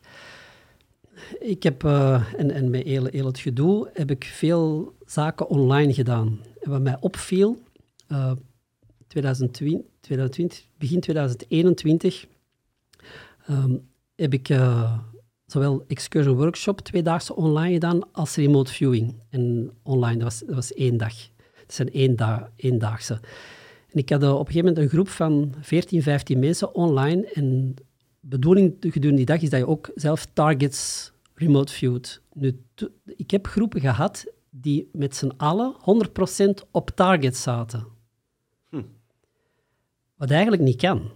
Statistisch kan dat niet. Nog nooit maak je dat niet dat mee. Je bedoelt 100% target dat echt alles klopt wat ze zeggen? Of, eh? Ja, oké. du- dus, dus, dus de 15 mensen die, die deelnamen, die zaten allemaal on target. Dus die beschreven allemaal het target dat ze moesten beschrijven. Zonder verschillen. zo- zonder fout. Oké, er waren andere interpretaties hier en daar, maar het was duidelijk, iedereen, iedereen zat... Dus En wat zegt dat volgens jou? ja, statistisch kan dat niet. Dus wat mijn indruk, en ik heb het nog gehad eh, gedurende het eerste halfjaar van 2021, ook met de excursion workshop, waar dat mensen online terugkomen uit een oefening en, en vier tegelijk die zeggen van ja, ik ben juist buitenlichamelijk geweest. Wat statistisch absurd is. Dus het, het is mijn indruk, ehm, zeker 2020, 2021, dat er een soort ik zal niet zeggen dat het een window of opportunity is, Mhm. eh, maar dat effectief ofwel het grid en, en de beperkingen om één of, of, of de poorten, of hoe dat je het wilt noemen, dat die open stonden of opener stonden. Het, het, het grid was minder hecht en dat die natuurlijke vermogens van de mensen dat die veel, veel sterker waren. Eh, ik heb het gewoon in, in die workshops ondervonden. Dus ja, Misschien wat gaten in de matrix gekomen? Ehm, of dat je het zo wilt benoemen, Of in je eigen bewustzijn, misschien wat openingen? dat kan ook. Eh, Of misschien dat we het gewoon wat collectiever meer aanvaarden de laatste tijd. En Dat het niet meer zo voor eh, pseudowetenschap wordt uitgemaakt. Terwijl CIA serieuze onderzoeken hiermee deed. Maar al die tijd is het toch een beetje belachelijk gemaakt in het algemeen, deze eh, thema's, zeg maar. Ik denk dat het een beetje een wisselwerking is, want ik zeg het, langs, langs de ene kant heb ik het zelf meegemaakt, statistisch dat niet kan. En langs de andere kant hoor je meer en meer natuurlijk in de, in, in, over, over deze onderwerpen. Ja. Ehm, het wordt natuurlijk nog altijd heel sterk gekaderd, het wordt nog altijd zeer, er veel ladingen nog opgelegd, maar sowieso, eh, er, is, er is een verschuiving. En eh, nog een vraagje, hè. Eh, Bob Monroe, da- daarom vind ik het een zo'n, ja, is voor mij echt, hoe moet ik dat zeggen? Als, al- als ik mensen hoor praten nu over deze thema's, hè, iedereen praat erover, maar hij, hij heeft gewoon interviews uit 1980, waarbij hij vertelt dat je met remote view naar Mars kan reizen. Of, Ja. eh, of, of- ik weet niet of het remote view was of Amy Sink en alles. Nou zie ik heel veel mensen eh, die vertellen dat ze zeg maar ondergrondse gangen op Mars Mhm. zien, waar eh, eh, mensenslaven zitten. met afgescheiden be, Heb je daar wel eens van gehoord? eh? Ehm, ja, wat, wat, wat vind je zelf daarvan? Of heb je zelf een soortgelijke remote, zelf iets gedaan, ondervonden daarin? Eh, kan je het aannemen dat, dat er op Mars een ondergrondse menselijke slaven zijn, wat er wordt verteld? En eh, die voor allerlei programma's werken en zo? Ehm, of, dat het, of dat het menselijke slaven zijn of zo, dat weet ik niet. Het, het, eh, ehm, het enige dat, dat ik wel zelf heb meegemaakt, dat dat ik op andere ehm, planeten kom. Ehm, het zou kunnen zijn dat een van die planeten Mars was, waar, waar dat er mensachtige eh, woonden. Ehm, dat heb ik ervaren. Ik weet niet wat het specifiek van, van Mars is. Nu wat ik wel... Dat is, dat is een verhaal van iemand die, die, die ik zelf heb, eh, heb gekend. Dus op het Morin Instituut eh, het wordt altijd interessant als je daar bent of, of een programma hebt gevolgd. ehm, als het avond wordt en iedereen gaat slapen en er blijft hier en daar interessante mensen over. Of mensen die vanuit hun eigen ervaring beginnen vertellen. En ik heb zoiets op een avond alleen gezeten, het was al 11 11 uur s'avonds, uh, met een man die 40 jaar voor de NSA had gewerkt. En die beweerde dus letterlijk dat zij eh, eh, naar Mars, dus dat er op Mars kolonies waren en, en ook op, op de maan, Mhm. beweerde hij. Mhm. Dat dat waar is, ik weet niet, maar dat is zijn verhaal. En dus hij vertelde dat, eh, dat er tussen Mars en de aarde, dat daar wekelijks een ru- ruimteschip is, met, met, met, logistieke middelen en zo, die over en weer pendelt. Per week, hè? dus je hebt er geen maanden of jaren voor nodig, elke week is- gaan die over, over het weer. Ehm, Een soort maar dat is- uitwisselingsprogramma's of zo. ja, maar dat, dat is voor de, dat is voor de, de logistiek. Eh, hij zei ook van de, perso de, de, de persoon, de mensen die er naartoe worden gaan, dat, is niet, dat is niet, gebeurt niet via die ruimteschema, dat gebeurt via een soort, ja, hij noemde het dan liften. Hoe dat je dat moet voorstellen, een soort... Eh, Jump Room. Ik heb eh, van bepaalde insiders van Secret Space Program gehoord, die als kind in die eh 20 and Back Project zaten. Ik weet niet of je dat kent. Dat je na 20 jaar weer terug de tijd in Ja. wordt gestuurd. En die vertellen allemaal dat, dat het zo ging. Ze worden vanaf aarde ontvoerd als kind Mhm. naar de maan. Want daar is die Jump Room naar andere... Oké, Dus misschien zou het daarmee te maken het, zou kunnen daar- het, zou, Ja. het zou iets kunnen... De maan is altijd een eh, plek waar eerst naartoe wordt gegaan en vanaf daaruit gaan ze dan verder. Oké, ah, dat, dat wist ik niet. Dat ja. vertelde de meerdere van Secret Space Program. En als jij dit nu vertelt, zou dat misschien ook daarmee te Een s- hij, beschreef het als een soort kunnen lift. hebben. Ja. Maar je zou bijna zeggen eh, dat dit soort dingen te onderzoeken zijn door bijvoorbeeld te zeggen van zet even 20 remote viewers op die op een eh, bepaalde coördinatie op Mars gaan kijken. Tuurlijk, ja. En gewoon kijken wat de resultaten zijn, wat zij zien, afgezonderd van elkaar, dat ze niet van elkaar kunnen afkijken. Tuurlijk. Dat soort onderzoeken zijn gedaan natuurlijk. Ja. Anders had CIA het nooit zo serieus genomen. Nee, klopt. Ehm, zulke onderzoeken zijn gedaan en zulke onderzoeken, ehm, wat je eigenlijk vertelt, dat klopt. En ik weet van zulke onderzoek dat ook in de jaren 80, in 1985 is gebeurd. Ze verschillen, maar niet, niet op Mars, maar op de aarde. Ze verschillende remote viewers eh, gevraagd van vier plaatsen het remote viewen op de aarde. Dus ze kregen, ze kregen de coördinaten van de CIA. Ehm, eentje in Australië, eentje in Afrika, eentje in Europa en eentje in Amerika. En dat waren de plaats van, van vier bergen. Ehm, en ze moesten daar remote viewen van, van, van wat zie je daar? En al, alle remote viewers, ik geloof dat het een stuk of zes, zeven waren. Ja, ja, ja, vertelde je toen. Ja, Ah, klopt. dat voilà. was, maar dat is volgen, inderdaad. eh, Dus ja. dus, en natuurlijk doen ze dat. En natuurlijk weten ze dat en natuurlijk kunnen ze dat. Oké, oké. maar dat wil niet zeggen dat het naar buiten wordt gebracht. Nee, nee, nee, nee, nee. Maar eh, het zegt maar weer wat voor vermogens de mens heeft. Wat hij kan doen. Vooral als kind zijn. Want ze gebruikten kinderen omdat die nog meer in hun oorspronkelijke zelf zitten natuurlijk. Ja, natuurlijk. En die krachten meer hebben. Alleen wij zijn er om ze dat af te leren natuurlijk, wij ouders. Van eh, je fantaseert, het is onzin of Hm. dit en dat. En dan verdwijnt dat. Ehm, ik merk dat jouw eh, kennis over de, onze realiteit eh, voor een groot deel uit eigen ervaring komt. Ja. Hè, met die hemisync en alles. Je hebt het zelf ervaren. Ik heb zelf dat via DMT ayahuasca mogen doen. Nu zijn er heel veel nieuwe spirituele modellen gekomen. En ehm, ik merk dat waar jij over praat toch wel iets anders is, zeg maar. Want jij zit bijvoorbeeld vorige levens, vertelde je jouw theorie daarover, hoe dat in elkaar zit. Eh, bijvoorbeeld karma. Heel veel mensen denken dat wij in deze situatie zi- zitten omdat we karma hebben af te ronden van vorige levens. Mhm. Ik heb een tijdje dat zelf ook geloofd, totdat ik achterkwam dat dat ook juist onderdeel van een karmisch wiel is op een hoger level. Ja. Hoe, hoe, hoe zie jij karma? Bijvoorbeeld, denk jij dat we berecht worden als je nu een moord pleegt, dat je dan naar de hel gaat of zo? Nee, Kan je dat toelichten? ja. Ga je dat ook doen? omdat, je het, omdat je het vraagt. Ehm, eh, wacht, eh, het is eigenlijk... Er is één criterium dat je eigenlijk in heel het spirituele gedoe, en niet alleen in de spirituele wereld, maar, maar altijd eigenlijk eh, kan hanteren, of, of dat doe ik. Het enige criterium is van hoe doet het mij voelen? En dat bedoel ik mee, trek het energie, geef het energie, is het in balans? En waar plaatst mij dat? Dus als ik tegen jou zeg van, van eh, karma, ja, je wordt beoordeeld. Wat doet dat met jou? Waar sta je dan? Eh, ja, ja, dat is een goede vraag. Ja, dus, dus wat gebeurt er dan op dat moment? Ja, je gaat beoordeeld worden. Ten eerste Door wie? Mhm. Met welk recht? Uh, waar, waar, bemoeien ze zich mee? Dus wie gaat bepalen wat, wat goed of slecht is, waarom, of dat ik mijn leven goed heb geleid of niet? Dat is er niet. Dus er is geen externe, uh, tenzij dat je het toelaat, hè, maar er, Mhm. is, er is geen externe macht die dat jou kan beoordelen. Um, uh, die gaat zeggen of dat je het goed of niet goed hebt gedaan. Alle, dat beeld komt eigenlijk uh, van uh, de tradities van het oude Egypte en meer, en meer bepaald eigenlijk... Wacht, nu gaan we even verder.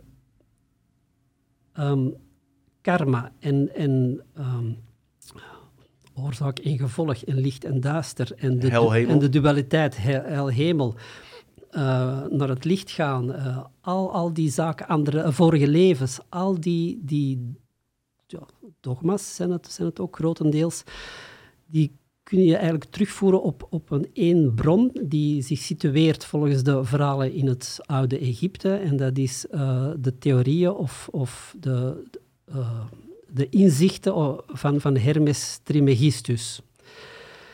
Wordt gezegd um, dat die uh, ja, ook in, in, in, in dezelfde tijd van Abraham leefde en dat Abraham zelfs letterlijk daar de mosterd heeft gehaald, om het zo te zeggen.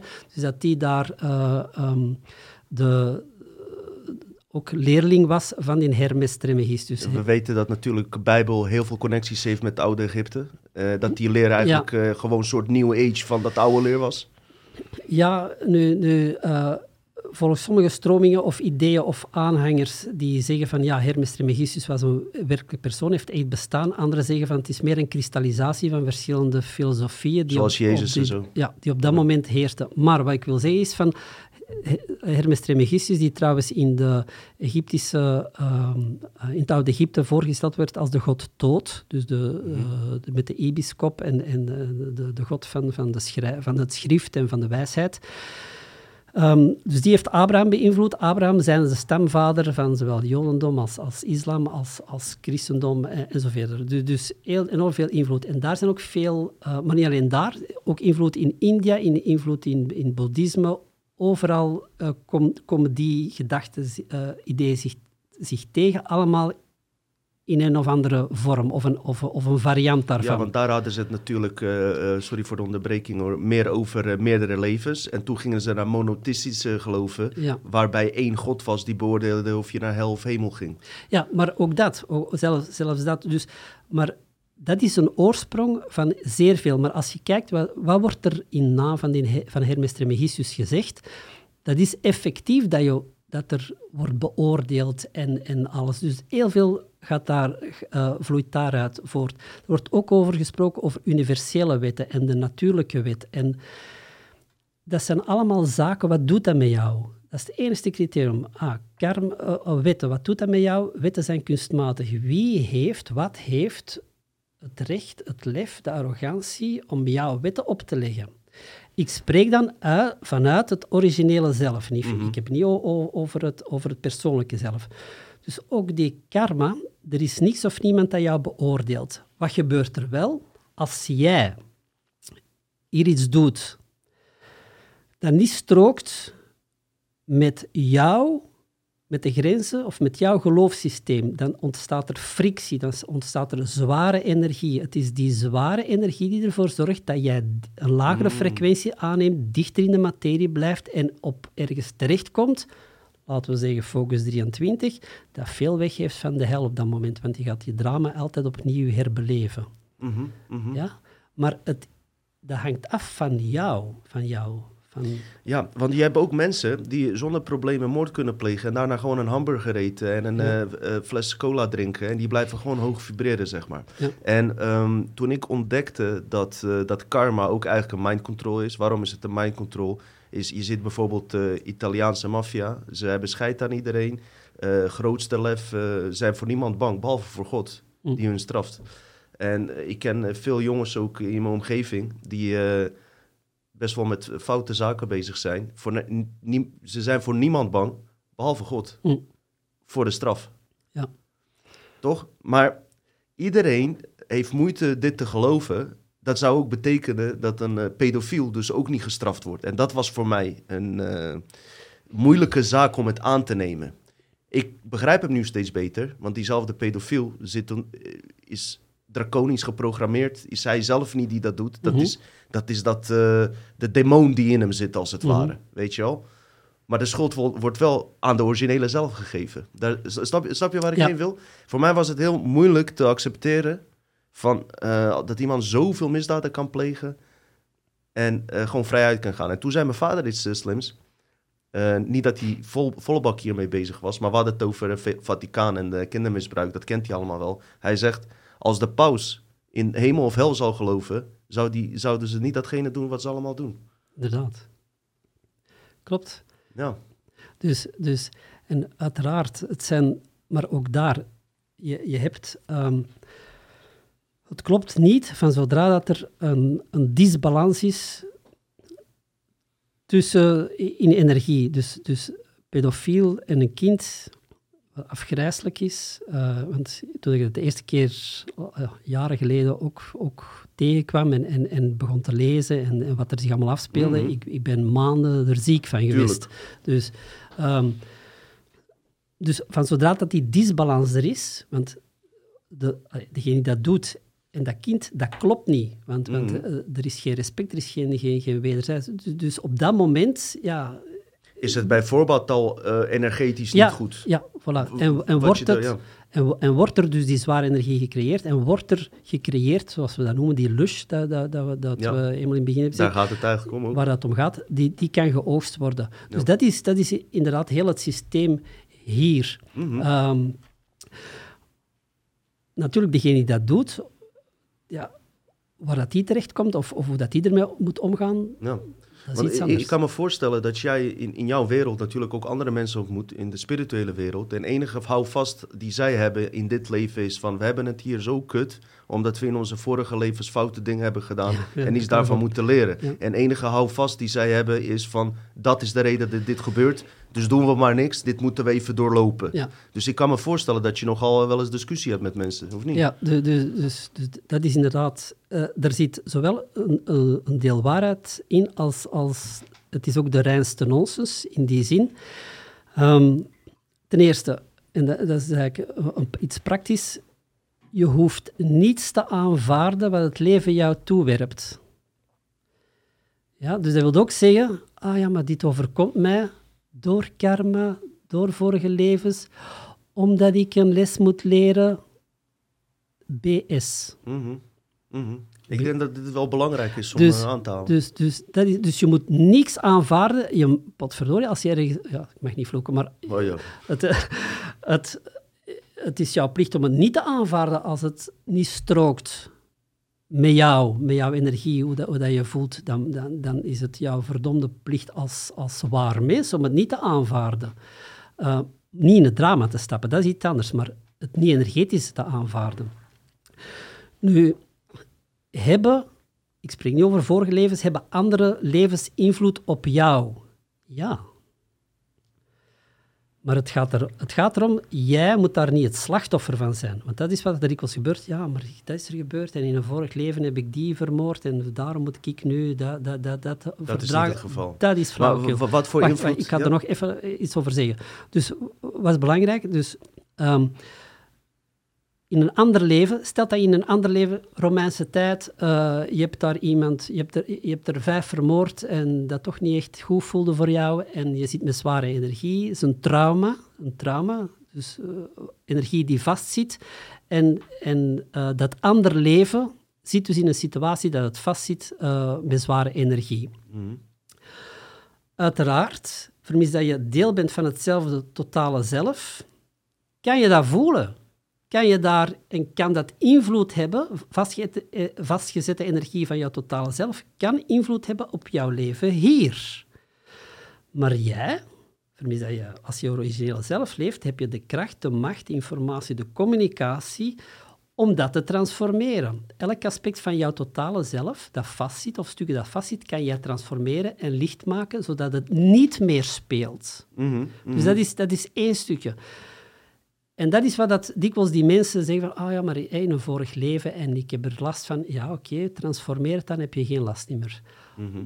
Maar het tweede deel, en dat vergeten, dat vergeten de meesten, is van de trauma's die jij hier loopt. Als jij jouw leven hier niet leidt en jouw originele energie hier niet laat stromen, maar het tegenhoudt omwille van alle mogelijke geloofssystemen en dat het beknot wordt en dat zich niet kan uiten en dat het zwaar wordt, dan gaan die andere levens daar ook last van hebben. Hè? Want kwantumfysica zegt, alles Ja, is aan elkaar natuurlijk. verbonden buiten de tijd en ruimte om. Tuurlijk. Dus die Romein, die, met die vijf moorden, ja, die gaat dat ook voelen dat jij jou, of, of in de toekomst. Mhm, mhm. Dus het is een jij, en vandaar dus de verantwoordelijkheid. Het wordt tijd dat je daar verantwoordelijkheid over neemt, ongeacht en buiten alles om, voor jezelf, dat je daar de autoriteit claimt. Mhm, mhm. Van, ik leef mijn leven en onderweg, als ik zin heb, transformeer ik nog de, andere, de trauma's van mijn andere aspecten van mijn totale zelf. Nee, helemaal duidelijk. Er is nog een dogma. Ehm, bijvoorbeeld iemand eh, wordt geboren, kreeg later een ongeluk, eh verliest zijn benen. En, ehm, en dan gaat hij in hypnose in. En dan komt hij eh, in een fase van levenscontracten. Waarin staat ehm, eh, dat jij dat zelf hebt besloten om iets te leren. Ik kijk daar nu anders tegenaan. Ik ben benieuwd naar jouw mening hierover. Hoe pervers is dat? Vraag ik aan jou. Ja. Ja. Dus wat, dat, dus wat dat er gebeurt, eh, dus als je naar het licht gaat, je gaat over, je gaat naar het licht, wat gebeurt er dan? Eh, dus een overgang, je doet weer buiten jezelf, je krijgt een revisie van je leven. Anders gezegd, je krijgt een download van al, je, van al de herinneringen en dus van alle lush en je bent het kwijt. Je bent terug een onbeschreven blad. En dan worden er zogezegd contracten gemaakt en je gaat volgens bepaalde scenario's, scripts, je, kom je al dan niet in hetzelfde leven terug eh, terecht. En dan ga je dat terugleven. Waarom? Dat komt gewoon omdat je terug in het systeem bent gegaan. Mhm. Noem het dan de matrix, zo, zoals Is het dat hier- hun bedoeling om je hier dan te houden? Wat. Boeddha ook zei, zeg maar, die Tuurlijk. karmisch wiel. Ja, maar dat is karmisch in die zin, zolang dat jij Daarin je laat ook. leiden door, Ja. door de zware energie van de geloofssystemen die je tijdens je leven hebt opgebouwd, als Ja. je daardoor wordt geleid, kom je terug. Want enigszins was Boeddha daar ook wel, we- wel mee bekend. Want hij, volgens mij waarschuwde hij ook voor dat karm om niet in dat licht te trappen. Alleen hij bracht het, denk ik, anders. Ik heb het niet heel goed... eh, ik zag het wel naar voren komen dat, dat, dat, dat daar ook al over werd ge- Het- gesproken. Eh, het is eigenlijk, als je al die, die, eh, ehm, al die, die tradities, als je die allemaal bekijkt, of het nu Jezus of Boeddha of Mohammed of, of, of gelijk wie, zijn allemaal gekaapt door instituties, door instituten, waarin dat er tussenpersonen zijn komen zeggen van ja, maar zo moet je het begrijpen en dat bedoelen ze eigenlijk, terwijl dat de oorspronkelijke boodschap allemaal hetzelfde is. Ze zeggen allemaal hetzelfde. Jij claimt hier je autoriteit ongeacht en je moet met niemand rekening houden.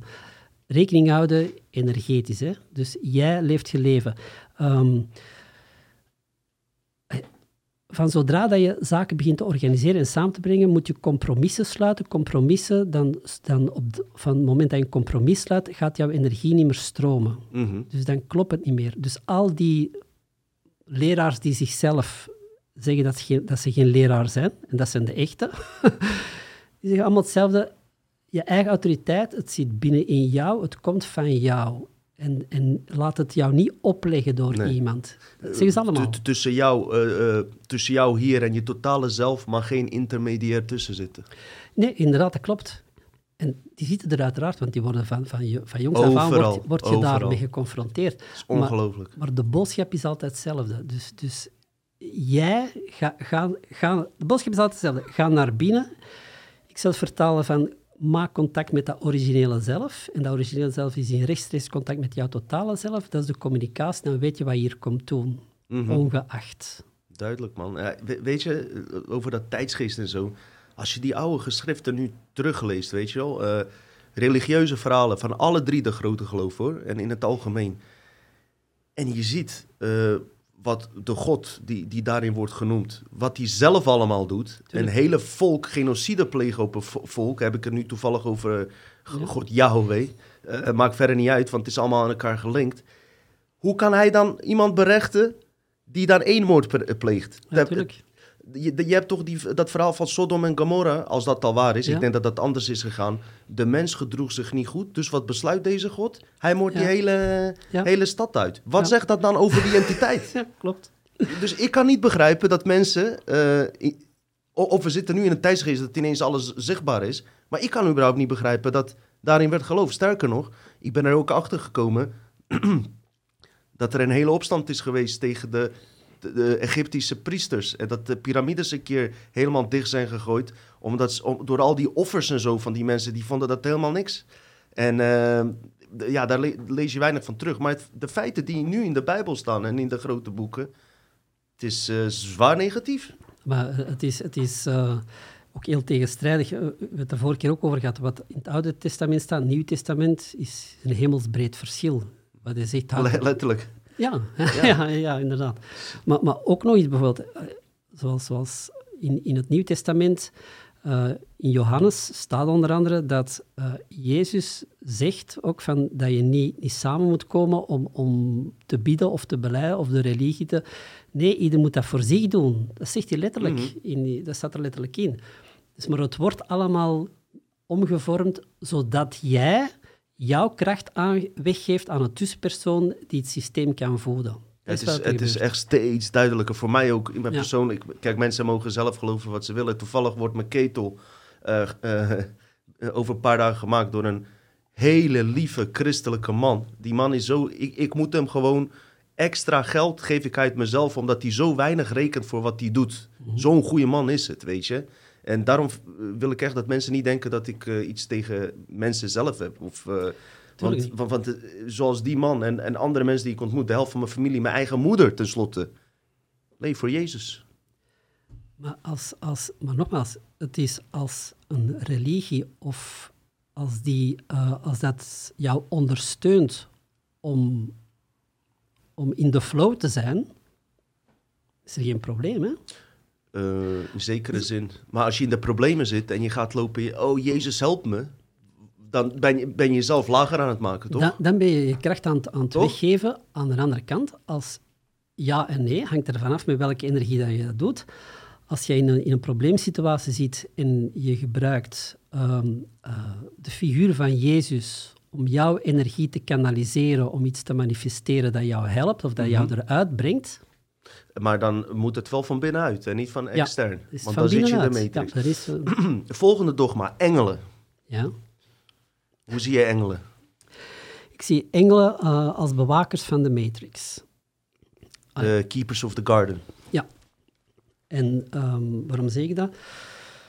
Omdat ehm, ook door verschillende tradities zie je dat eh, de- ja, ik, ik, heb, ik heb, ben ze zelf tegengekomen in, in, in bewustzijnstaten. Zou je misschien daar ook straks over wat kunnen Ja. vertellen? Graag. Enerzijds, maar anderzijds ook in alle mogelijke tradities en culturen, en ook de, de- dat zijn we tegengekomen, ehm, de bewakers van deze realiteit, die worden dikwijls gesymboliseerd met vleugels. En kijk maar, in de andere tradities zijn dat de apus, dat zijn vogels met vleugels en mensenkop. Ehm, in de Fenicische zijn dat, eh, tradities zijn dat ook, ook eh, leeuwenlichamen met, met vleugels en, en, en, en mensenkop. En je hebt verschillende Met tradities. meerdere hoofden ook aan alle kanten. Ja. Ook, maar het is altijd het thema van de vleugels. Dus als je ergens het thema van de vleugels ziet, is het, eh, is, is, zijn dat eigenlijk bewakers van, van deze, eh, ja, noem het dan matrix of aardsrealiteit. Het is ook niet, niet toevallig dat het teken van de Verenigde Naties, dat is geen Ik heb laurierkrans, geho- hè, gehoord dat daar een eh, code achter zit van onderdrukking, achter die vleugel zelf. Tuurlijk. Die naar je onderbewuste gaat. Ja, dus, dus ja, maar denk, oh, engelen. Ja. Ja. engelen. Dus automatisch ga je, Mhm. maak jezelf lager dan, dan die engelen. Dus in dat opzicht, nu nogmaals, ik ga... ehm, ben je iemand die, die wild bent van het engelen en, en, en dat engelen al voor jou van alles heeft, hebben gedaan, zolang dat het dragers zijn van jouw intentie, is daar niks mis mee. Het gaat erom dat jij jouw kracht daar niet aan geeft. Mhm. En dat kan, hè. Ik bedoel, je, je, ah, de engel Gabriel heeft dit gedaan. Ja, die heeft niet, juist niks gedaan, maar door jou, door jouw energie daarmee met die intentie eh, te sturen, gebeurt er iets dat jou helpt. Maar dat heb je zelf gedaan. Duidelijk. Zijn natuurlijk wel entiteiten die zich daarmee voeden met die energie. En die kun je wel tegenkomen, maar ook een soort projectie dan natuurlijk in die andere bewustzijnstaten. Ehm, hoe zie jij dan zeg maar eh, eh, de engelen in de geloofsboeken die uh, zeg maar boodschappers van God zijn? Zie jij dat dan ook als een mis ja, hoe zie je dat? Hoe komt dat op jou over? Bijvoorbeeld zo'n aartsengel Michael of engelen die profeten bepaalde kennis geven om boeken te schrijven? altijd hetzelfde. Wat doet het met jou? Dus als, als er een engel komt die, die, die tegen een profeet gaat zeggen dat hij iets mag schrijven en wat is de bedoeling van die boek? Dat jij dat gaat volgen? Dat klopt niet. Of komt een engel bij jou en die gaat zeggen van...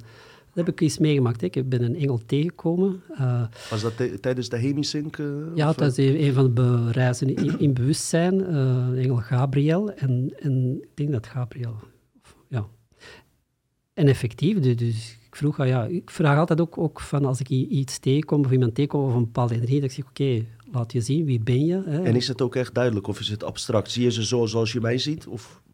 Soms wel, soms niet. Okay. Dus, dus, soms is het heel gedetailleerd, heel duidelijk en soms, soms is, het, is, het, is het gewoon een weten.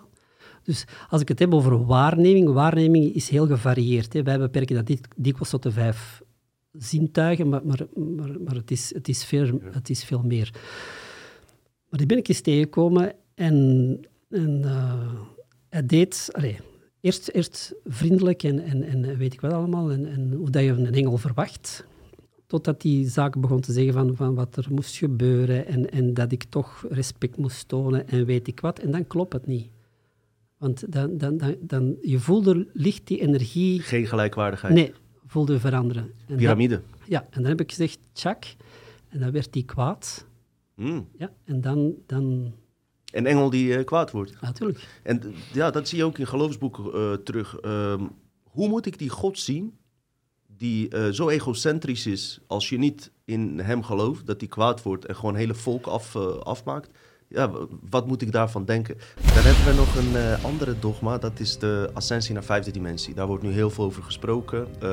eigenlijk sinds 2012 zijn er veranderingen en um, veel mensen veranderen denken. Ehm, misschien zelf ik ook voor een deels, dat er wel degelijk wat, gaat veranderen. Alleen uh, sommigen denken dat we naar een vijfde dimensie gaan verhuizen. Hoe, hoe zie je dat? Waar, waarom maar de vijfde? Ik weet het niet. We zijn nog niet klaar voor de rest of zo, denken ze. Omdat... Wat, doet dat met jou als je zegt dat je nog niet klaar bent voor de rest? Dan zitten we in een lesproces, leerproces. En we zijn uitgeëvalueerd. Dat is het. Dus ja, ik, ik ken het. Veel mensen zeggen, oh, we gaan naar de vijfde is goed, ik zit al in de dertiende. Dus, dus ik bedoel maar, wie heeft dat uitgevonden, de vijfde? Waarom de vijfde? Als je reist in bewustzijn, dan kan je naar dimensie 183 gaan. dus, dus, en waarom? waarom uh, het, het doet mij denken een beetje aan, aan, aan, aan profetieën. Um, ah, we gaan naar de vijfde dimensie. Ah, the age of Aquarius is, is komende. Ah, maar wacht, volgend jaar gaat er dat en dat gebeuren. En nogmaals, wat doet dat met jou?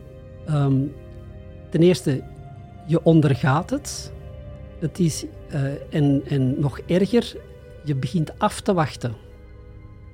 Ah, dan gaat het gebeuren. Of, of dan gaan ze landen. Of dan is er contact. Of dan gaan we naar de vijfde. Of dan gebeurt er ramp. Of dan worden ze, dan worden de, de, kabal of de illuminaten, dan worden ze in de gevangenis gestoken. En wat doet dat met jou? Jij, jij doet juist niks. Ik zeg niet dat je op de barricades moet gaan staan, maar energetisch gebeurt er niks. Je blijft in een uh, passieve, afwachtende houding staan. En je bent speelbal van de omstandigheden. Dat is niet de bedoeling. Dus wij hebben altijd geleerd dat we moeten reageren op de omstandigheden, terwijl dat het de omstandigheden zijn die zich naar jou moeten zetten. Mm. Dus als je zegt van, van de vijfde dimensie, ja, waarom wachten? Gaat er naartoe? Ja. Zorg dat het nu gebeurt? Ik heb wel het idee dat er, of ja, dat, dat we wel in een vreemde tijd zitten. Ik heb natuurlijk, hè, je vertelde de vorige aflevering ook, uh, dat denken we al duizenden jaren, hè, dat er iets bijzonders is. Um, ik heb wel het gevoel dat we iets unieks gaan meemaken, maar het kan ook geprogrammeerd in mij zitten, moet ik eerlijk zeggen. En um, ja, Zit ik daarmee? Nee. Wacht ik daarmee op iets? Absoluut niet. Maar het gevoel heb ik wel dat... eh, ik weet niet waarom. Er gebeurt al heel veel. Dus, dus dat, dat klopt. Hè. Dus wat hij nu zegt, mijn gevoel is... Het is al zo eigenlijk. dat is. En ja, ik kan alleen... ehm, eh, ik, heb het zelf er- ervaren in die zin. Bob Moreau spreekt er ook over. ehm, eh, ik weet niet of ik het voor, vorige keer heb verteld, maar Focus 34 is, is, het, is het de bewustzijns, de bewustzijnsstaat ehm, die echt ver is. Je, je zit nog rond de aarde, maar, maar ja, je voelt dat je ergens anders eh, ook zit. En rond de aarde gebeurt er iets en er is wat ze noemen de gathering. En de gathering is eh, alle mogelijke intelligenties en, en, en buitenaardse, of hoe dat je het wil noemen, energieën zijn ver- verzameld rond de aarde, eh, want er gaat iets gebeuren. Een soort shift, een soort transformatie. Dus daar kan je naartoe gaan. Ik ben er toen ook naartoe geweest. En ik heb daar verschillende, met verschillende intelligenties ja, communicatie gehad. En er was er eentje, ehm, ik herinner mij nog goed, ik, ik kom op een soort eh, ruimteschip, iets, iets ja, anorganisch, om, om, om het maar te benoemen. Ehm, en ik vroeg ook van, ja, hoe komen jullie, wat zijn jullie hier aan, zeggen ze. Maar ja, we, wij zijn hier. Ik, ik heb toen ook gezegd van, wauw, dat is hier, dat is enorm... De constructie is enorm, want, want ik kan dat ook besturen met, met, jou, eh, met jouw gedachten. En, en, en dat was oranje, mijn ogen oranje en een grote paarse bol, die, die er ervoor zorgde dat je de- kon communiceren en dat dan deed wat je wou. Ehm, maar die, zei, ja, eh, die keken mij ook aan van, ja, maar jullie hebben dat ontworpen. Dat is, dat is jullie werk. Ik dacht van... Ik had dat toen niet door, goed, van, van wat dat ze bedoelden. Ehm, maar zij, ik zei van, wat doen jullie hier dan? Ah, maar er is een enorme transformatie op, op komst. En ze lieten mij dan... Ik vroeg dan, wat gebeurt er? Ze lieten mij dan het, het beeld van de aarde zien, eh, waar iedereen rond was. En op dat moment, de, eh, wat, wat dat je zag, was dat de aarde ehm, eigenlijk eh, ehm, ja, een, soort zwarte... Zeg de aarde, er kwam een soort, ik zal zeggen, zwarte wolk, een, een zwarte nevel. ehm, maar het zijn maar woorden van iets, iets dat je niet kan uitdrukken. Hè. En, en daaruit kwam meer en meer uit die zwarte golf, eh, kwam meer en meer een, een, ja, iets glanzends. Black Goo misschien. Ja, ik zou niet weten, maar, maar iets glanzend. En dan stopte het. En, dan, en, dan, en dan was het ook zoiets van... Ik zeg, ja, wat, wat gebeurt dan? Ja, dat hangt er vanaf, zei ze. Van, dat weten we ook niet, maar het hangt er vanaf van, van, van de mensen zelf op dat moment. Mm. En dan...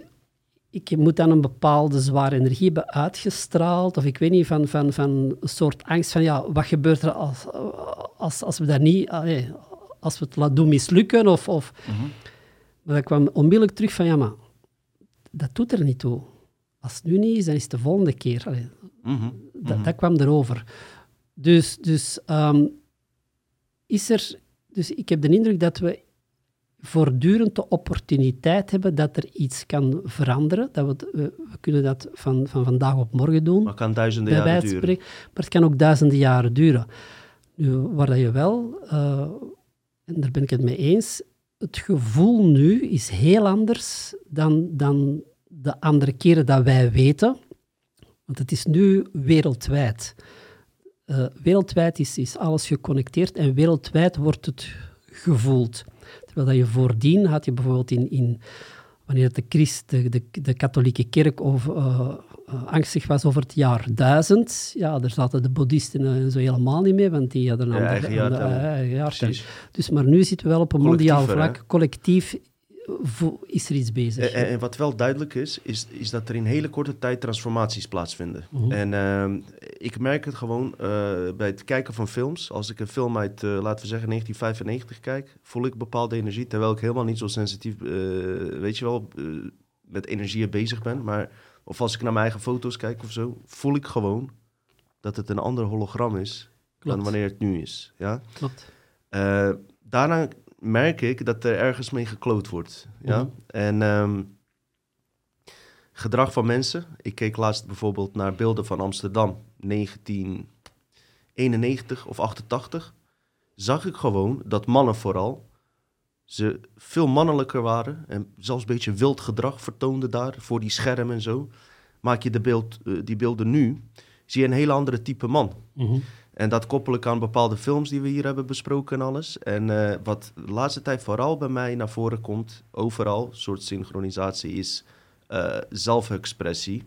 En wat wil ik daarmee zeggen? Ik heb het idee dat de mens echt wordt onderdrukt in zijn eigen zelfexpressie. Mhm. En dat doen ze op een hele slinkse wijze om constant eh, naar- de liefde naar voren te brengen, maar dan Mhm. weer op hun wijze. Ja. En dan heb ik een voorbeeld, dan heb ik een billboard, zie ik nu buiten, wat het eigenlijk heel goed vertaalt. Op die billboard staat Dictatorship of Love. S- Snap je waar ik heen wil? Mhm. Love is positief, maar ze, ze laten ook daar zien, ja, maar onder onze dictatuur. Ja. Waar is mijn zelfexpressie? Wat voor mij liefde is, is voor een ander misschien niet. Maar zij hebben een bepaalde idee dat, hè, Mm. met al die vage woke-agenda's en alles. Mm. Hoe, hoe, ja, het is geen vraag, maar kan je een beetje begrijpen wat ik bedoel? Of kan je dit beetje aan, aanvullen? Ehm, ja, het, het, het doet mij denken.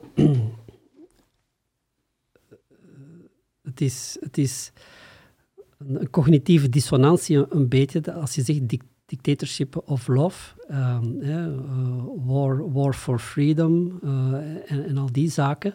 Dus eh, het brengt jou ook, ook ehm, in disbalans. Maar dat gekoppeld met ehm, ehm, met, met een soort, eh, ja, ik, ik, ik zou het bijna durven omschrijven, zo, zoals eh Orwell 1984, een soort gedachtepolitie. In die zin van, ja, maar je mag vrij zijn, maar volgens onze voorwaarden. En, en, en je, mag, je, je, je bent zeer verdraagzaam, maar op de manier dat wij het zeggen. Want als je dat niet bent, oh, maar dan, dan, dan ben je niet verdraagzaam, want wij zijn verdraagzaam. En, en dat, is een, dat, is een heel, dat is een energie die ook altijd al heeft gespeeld, die, die eigenlijk heel gevaarlijk is. Zijn Vals licht voor mij ook is dat. ja. En het zijn, me- en het zijn dikwijls organisaties of mensen dan op, op dat moment ehm, die overtuigd zijn van het eigen gelijk, die niet kunnen relativeren. En als daar wordt van afgeweken, ja, dan, ben je, dan, ben je, dan bega je een doodzonde. En het is in die trant die, die, ehm, die eigenlijk ehm, ehm, doorheen heel de maatschappij zit op dit moment. En iedereen is als de dood om zich echt uit te spreken wat dat men echt voelt. Met die angst van, ja, wat gaat er gebeuren of wat gaan de anderen denken? En dat doet mij, daar wil ik even nog iets anders over zeggen. Dus, maar dus die zelfexpressie, inderdaad, ehm, dat is, maar dat is gekoppeld aan een angst, aan een basisangst die enorm wordt gecultiveerd, eh, namelijk de angst voor kritiek, de angst voor, voor, voor wat gaan de anderen zeggen. Eh, dat is een van de basisangsten die hier enorm wordt gecultiveerd in deze realiteit. Dat merk ik wel, ja. En zelfs onder hoogopgeleide mensen ook. Ja, Zoals artsen bijvoorbeeld. Of, eh, Voor, voornamelijk omdat die, omdat die helemaal Ja. in, in, in, in het ding zitten, in, in dat systeem. Maar dat klopt. Ehm, ik kan er nog iets over zeggen. Maar heb je het idee dat ze ergens naartoe willen? Ja, je hebt, ik, ik zie gewoon tendensen. Hè. Je hebt enerzijds eh, beperking van eh, de, de, het, het fysieke bewegen. Eh, dus, dus dat, mag je, dat mag je niet, dat mag je wel. Eh, Hmm. ah, Hier mag je nog 30 per uur rijden, daar mag je 50 per uur eh, rijden. Eh, Van die smiley-bordjes, als je, als je niet goed, als je twee kilometer hard rijdt, zie je dat smiley zo. Zo'n ding. Dus, dus Ah. voortdurend moet je ook al eerst zeggen, of, van, mag ik daar fietsen, mag ik daar wandelen? Maar, Daar eh, word ik de- dus echt gek van, Ja. hier in het Westen in het en, en, algemeen. en, en, daar, en daar mag je roken en, en daar mag je al niet meer roken. Ja. En, en vroeger, mocht, vroeger mocht je overal roken, dan mocht je binnen niet meer roken. Ja. Dan mocht je, nu is dat een plaats waar je buiten niet meer mag roken. We gaan in de, de toestanden van de Verenigde Staten van in die staat mag je roken, in die niet. En dan Ja. mensen tot aan de grens zijn. het gaat nergens meer over, hè? Du- du- Dus eh, dat is een tendens die je meer en meer ziet. En een andere tendens is wat je nog wel of niet mag denken. En, en eh, wat je nog wel of niet mag uitdrukken. Dus op veel eh, zaken die, die, en, en woorden, uitdrukkingen die normaal zijn, worden nu enorme ladingen gelegd. Ja, En dus je gaat over nadenkt van wat mag ik nog wel zeggen. En als jij niet kan uitdrukken wat je op dat moment wil uitdrukken, maar je moet zitten denken van, oh, waar sta ik hier en, en, en oh, mag ik dat wel zeggen? Kijk wat dat met jouw energie doet. Je wordt helemaal beperkt. Je sluit dat op, ze kan niet stromen. Dus Ik, hoor, is- ik hoorde iemand wel eens zeggen van beter een kut karakter dan geen karakter. ja, Toch? ja, inderdaad. Oh, het is, je, je- je merkt het heel erg ehm, dat mensen heel erg oplettend zijn in wat ze zeggen. Ja, Ik zie soms door hun ogen dat ze iets vinden, want hè, aan de ogen kan je veel zien. Maar dat ze het totaal iets anders tegen je zeggen. Ja. Ook uit angst hoor. Ehm, ja, dat ik bijvoorbeeld boos om iets word hè, in mijn privéleven. Ja. Ik heb af en toe, ik, ik zou liever gewoon een klap voor mijn smoel willen, dat je het echt meent, dan dat ik... Ja. eh, want we zitten gewoon een beetje te acteren eh, tegen elkaar. We acteren op werk, we acteren op school. dat zijn die rollen. Wanneer zijn we onszelf? Dat zijn die, niet, dat zijn die rollen, dat zijn die personas die, die, die je speelt. Dat zijn, dat zijn inderdaad, en het is, eh, er zijn mensen die, die zichzelf zijn, maar ongeacht, ongeacht de gevolgen. Ehm, nu, het, eh, om, om nog even er iets over te zeggen, en ik, ik wil eigenlijk een test misschien met de luisteraars even, Oh ja, even is goed, doen. hoor. Ja. Gewoon, ehm, Eh, daar is de camera, mocht je, mocht je in de camera Ja. willen kijken? Ja? dus we, ik heb het afgelopen weekend heb het ook met mensen over gehad. En op een gegeven moment, op een gegeven moment gebruikte ik de term zonder lading, zonder iets, maar wel bewust, zei ik neger. Wanneer was dat?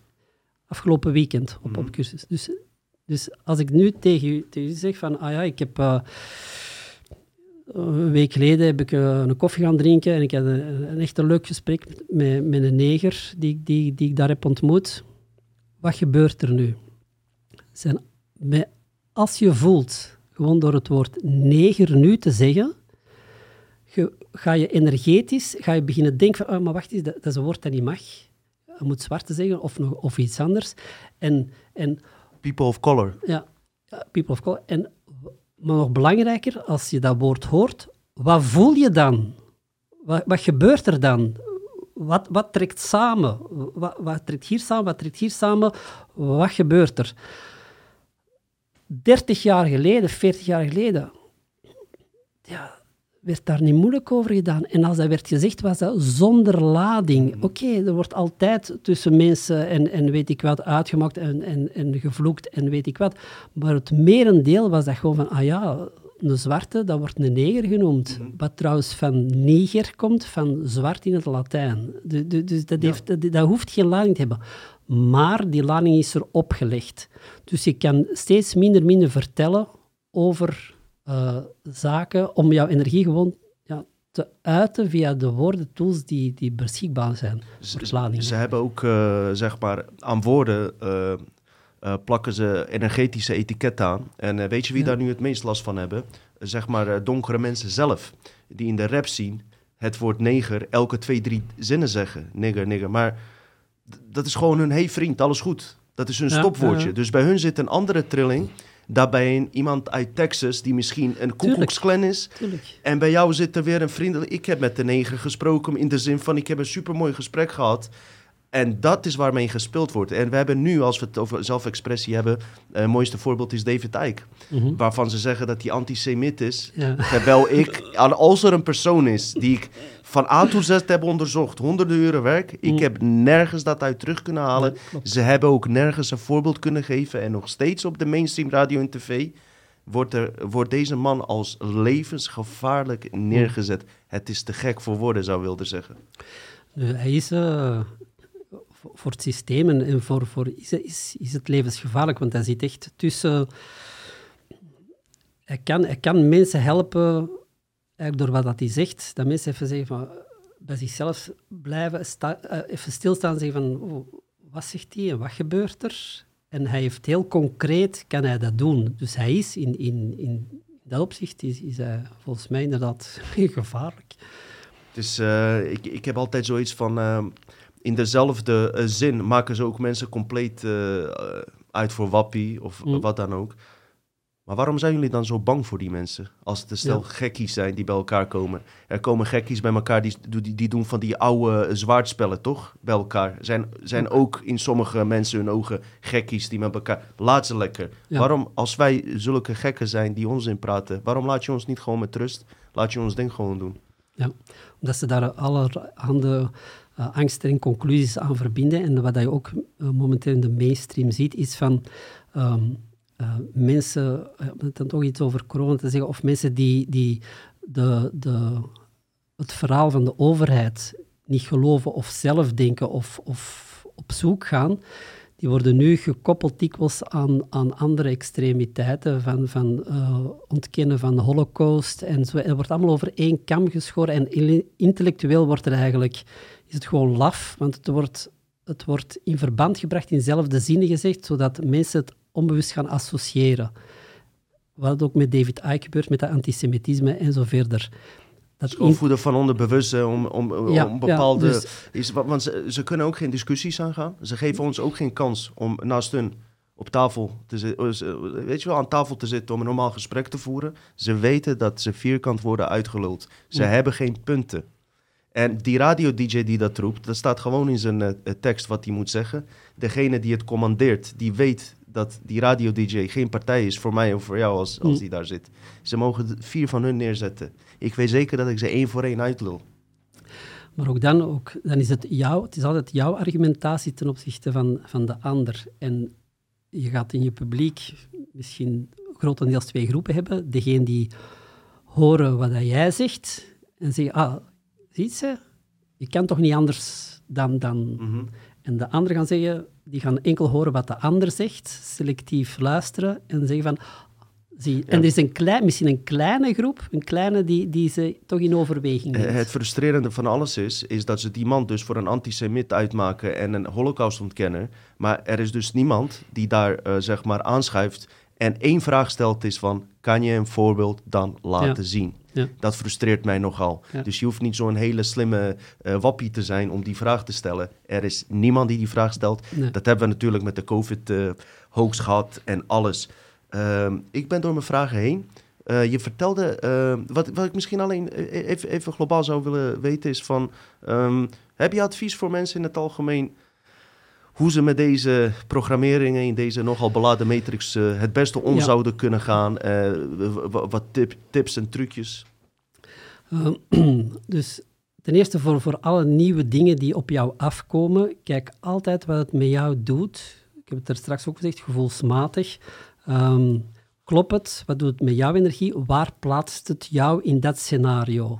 Dat is, dat is echt een heel belangrijke. Dus trek het energie, niet maak het jou klein uh, of niet, al die zaken.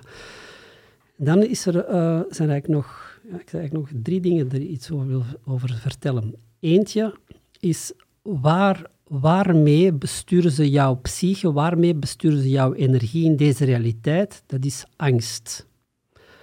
Angst, angst, angst. En er zijn, er zijn uh, zes basisangsten um, die kunstmatig zijn, maar die voortdurend worden uitgespeeld. Op alle mogelijke vlakken, op, op microvlak en macrovlak. Het eerste is um, de angst uh, om, voor schaarste, voor tekort.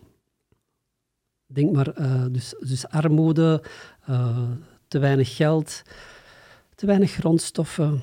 eh, daar, daar, zitten we volop in. Dat is een van de angsten. On, begint dat te onderkennen. Dat zijn een hele reeks drama's en scenario's zijn daaraan gelinkt. Het is kunstmatig. Je hoeft daar niet in mee te gaan. Blijf daar ook bij jezelf. Het tweede dat wordt gedaan is, we hebben het er juist over gehad, de angst om kritiek. Wat gaan de ander denken? Wat mag ik zeggen? Uh, zelfexpressie. Ja, zelfexpressie. Dus dat. Dus die angst is ook enorm. Die wordt ook op alle mogelijke vlakken nu bespeeld. Ja? Uh, derde is de angst uh, om, om liefde te verliezen. Ook dat zie je ook, uh, kijk maar naar alle mogelijke films of scenario's of waar men schrik van heeft, of waarom dat jij compromissen sluit in persoonlijke relaties en noem maar op. Dat is een angst die ook overal gevoed wordt. Dan heb je ook een angst voor gezondheid. Heel het coronagedoe. Eh, alles Mm. wordt enorm opgespeeld. Heel de farmaceutische industrie, alles, alles. En als het een virus, het een virus is nog niet weg of het andere is al in aankomst of is er al. Dus die, die gezondheid, 5G, noem maar op. Dus ook in die spirituele middens wordt daar ook angst gegenereerd enorm. Ja? Dus, dus de angst voor gezondheid. Eh, eh, en dan heb je ook de angst voor... zit ik nu op de vierde of de vijfde? ik weet niet meer. Maar ook de angst voor ouderdom. Dat je oud wordt. De angst voor ouderdom, en dat heeft gepaard... Dat gaat natuurlijk ook gepaard met, met ziekte en dat gaat gepaard met... Met de dood Met de dood. ja, ja. En dat is de zesde, dat is die angst voor de dood. Waarom? Omdat je niet weet wat er gebeurt en al die mogelijke verhalen van hel en die heb je wel goed geleefd en, en zo verder. Dus dat zijn de zes angsten die worden voortdurend gebruikt om mensen te, te triggeren, hun, hun energie eh, te, eh, te oogsten, om ze in, eh, in, in het niets doen te krijgen en zo verder. Dus, dus begin die angsten en die scenario's te onderkennen. Dat is er eentje. En hoe onderken je zoiets? Gewoon wat het met jou doet. Oké, eh, Dus- je, dus- je bent bijvoorbeeld bang om, ehm, even kijken, om een ziekte te krijgen. Ja. Ehm, het is een, ik, ik, ik, ik weet, eh, ik, ik rook zelf en eh, ik heb wel eens aan het begin, toen ik net rookte, dacht van shit, die kreeg er wel kanker van en Mhm. dit en dat, zus en zo. Nu heb ik gewoon compleet scheid aan. Mhm. Eh, ik ben gewoon niet bang voor de dood, zeg Mm. maar. Absoluut niet. Hoe is dat gekomen? Omdat ik eh, juist over deze onderwerpen meer te weten ben gekomen. Over de dood, wat de dood nou werkelijk is en alles. Is die angst ook bij mij weggegaan. Maar niet iedereen houdt zich hiermee bezig. Klopt. Nu, tussen van roken ga je niet dood. Maar dat, dat, is, dat is misschien... Kijk maar uit wat je zegt, want anders kregen we... Nee, nee dat, dat heeft het wel... Kan je daar wat over vertellen? Eh, er, er is geen oorzakelijk verband tussen roken en, en kanker. Jij rookt zelf niet, hè? Ik, ik rook sigaartjes en pijpen. En, Oké. Maar al die onderzoeken dan? En, eh, ik, ik Eh, wil je graag geloven, hoor. Maar waar is dat nee, nee, op maar, maar, gebaseerd? maar je hoeft me niet te geloven. Het is gewoon van... Als je kiest om de onderzoeken te geloven, dan geloof je dat. Hmm. Je weet het niet. Weet je wat ik wel moet zeggen, heel eerlijk? Ehm, ik ben opgegroeid met het idee op school dat ze zeiden 50% van mensen die rookt, gaat dood. Mhm. En de leraar zei letterlijk tegen ons: Jij blijft leven, jij gaat dood. Ging die ons op die manier eh, bedreigen? Ik, werd, ik werd er onwijs bang van. Ik zal jou nog een geheim vertellen. Nou, 100% van de mensen die melk drinken gaan dood. 100%. 100% van de mensen die ooit melk hebben gedronken gaan dood. Eh, is dat een. eh, even kijken. Iedereen drinkt wel eens melk en iedereen gaat dood. Bedoel je dat? Oh, Oké, oké, oké.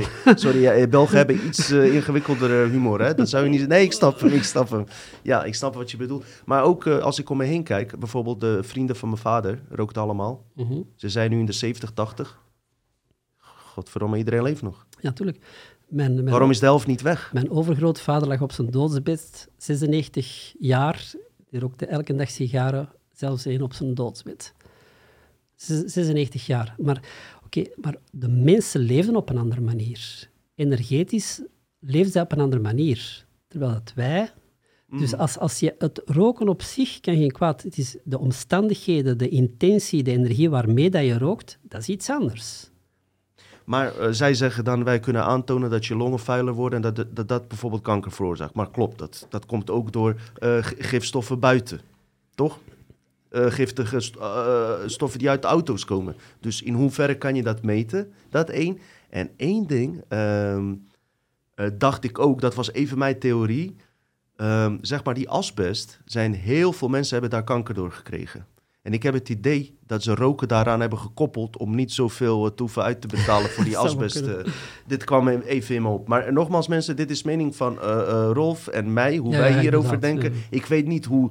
eh, YouTube komt elke keer met zulke nieuwe beleidsregels. Dus ik ga hier even een tekst doorheen plakken. Persoonlijke mening van, van, eh, van Rolf eh Nuits. En eh, mijn, mijn eh, statistieken zijn heel simpel. Ik kijk gewoon naar mensen die nu 80, 90 zijn. Vrienden van mijn vader. 95% eh, rookt daarvan. Ehm, ik ken er geen één die aan longkanker is overleden. Nog, En misschien kunnen jullie thuis dat ook narekenen. Dat is het enige wat ik vraag. maar ik, ik baseer mij gewoon even een klein zijsprongetje op de vijf biologische natuurwetten en ook wat eh, Hamer zegt erover. Ehm, en hoe dat, hoe dat kanker, hoe, wat wij beschouwen als kankercellen, dat het eigenlijk eh, genezingsprocessen zijn van het lichaam die reageert op impacts die je krijgt uh, in de psyche. En die, wat al dan in een impact is, hangt weer af van jouw geloofssysteem. Dus vandaar, daar baseer ik mij op. Maar brengt ons iets. Ik, ik kan me zeker daarin vinden. En ik weet ook zeker dat mensen hier comments op gaan plaatsen. Dat er ook wel degelijk slecht. Dat is prima, allemaal eigen gedachten. we hebben het over vrijheid van zelfexpressie. En dat is dit ook. En uh, ik. Uh, ik, ik kan daar wel iets mee. En weet je wat het is? Omdat ik zelf rook, mensen denken dan, ja, je probeert gewoon het goed te praten voor jezelf. Maar weet je, uh, ik ben er ook zeker van overtuigd als jij opgevoed wordt met het idee dat je van mandarijnenkanker krijgt, dat je het ook van een mandarijn kan krijgen. Dus uh, dat is het, man. Uh, wil je nog zelf nog wat toevoegen? Uh, ja. Heb je nog iets voor... of ja, maar, ik was nog, nog even... Dus ik, ik, had over die angsten, wat, wat er... En dan een tweede zaak is van... wat dat er, onze aandacht wordt voortdurend uit ons getrokken door alle mogelijke omstandigheden. Dus je vroeg van, hey, wat kunnen mensen doen of wat kunnen ze herkennen? Wordt door alle mogelijke omstandigheden uit ons getrokken. Het is zaak dat je zelf zegt wat dat je wilt wel, wat, wat, wil jij? Wat is jouw richting? Waar word jij warm van? En dan kom ik terug eventjes bij de originele zelf. De originele mhm. zelf is die oorspronkelijke energie waar dat jij bijvoorbeeld als kind zei, als aan jou als kind vroeg van wat ga je later worden? Uh, astronaut, uh, uh, autocoureur, brandweerman, piloot. voor jongens klassieke mhm. antwoorden. Het is die energie dat je die, dat je die terugpakt en dat je daar terug naar, naar begint te leven. Er is geen enkele uh, jongetje van vijf jaar dat zegt van ah, ik word advocaat of ik word boekhouder. Want hmm. dat is... Nee. Dan moeten we weer leren dromen.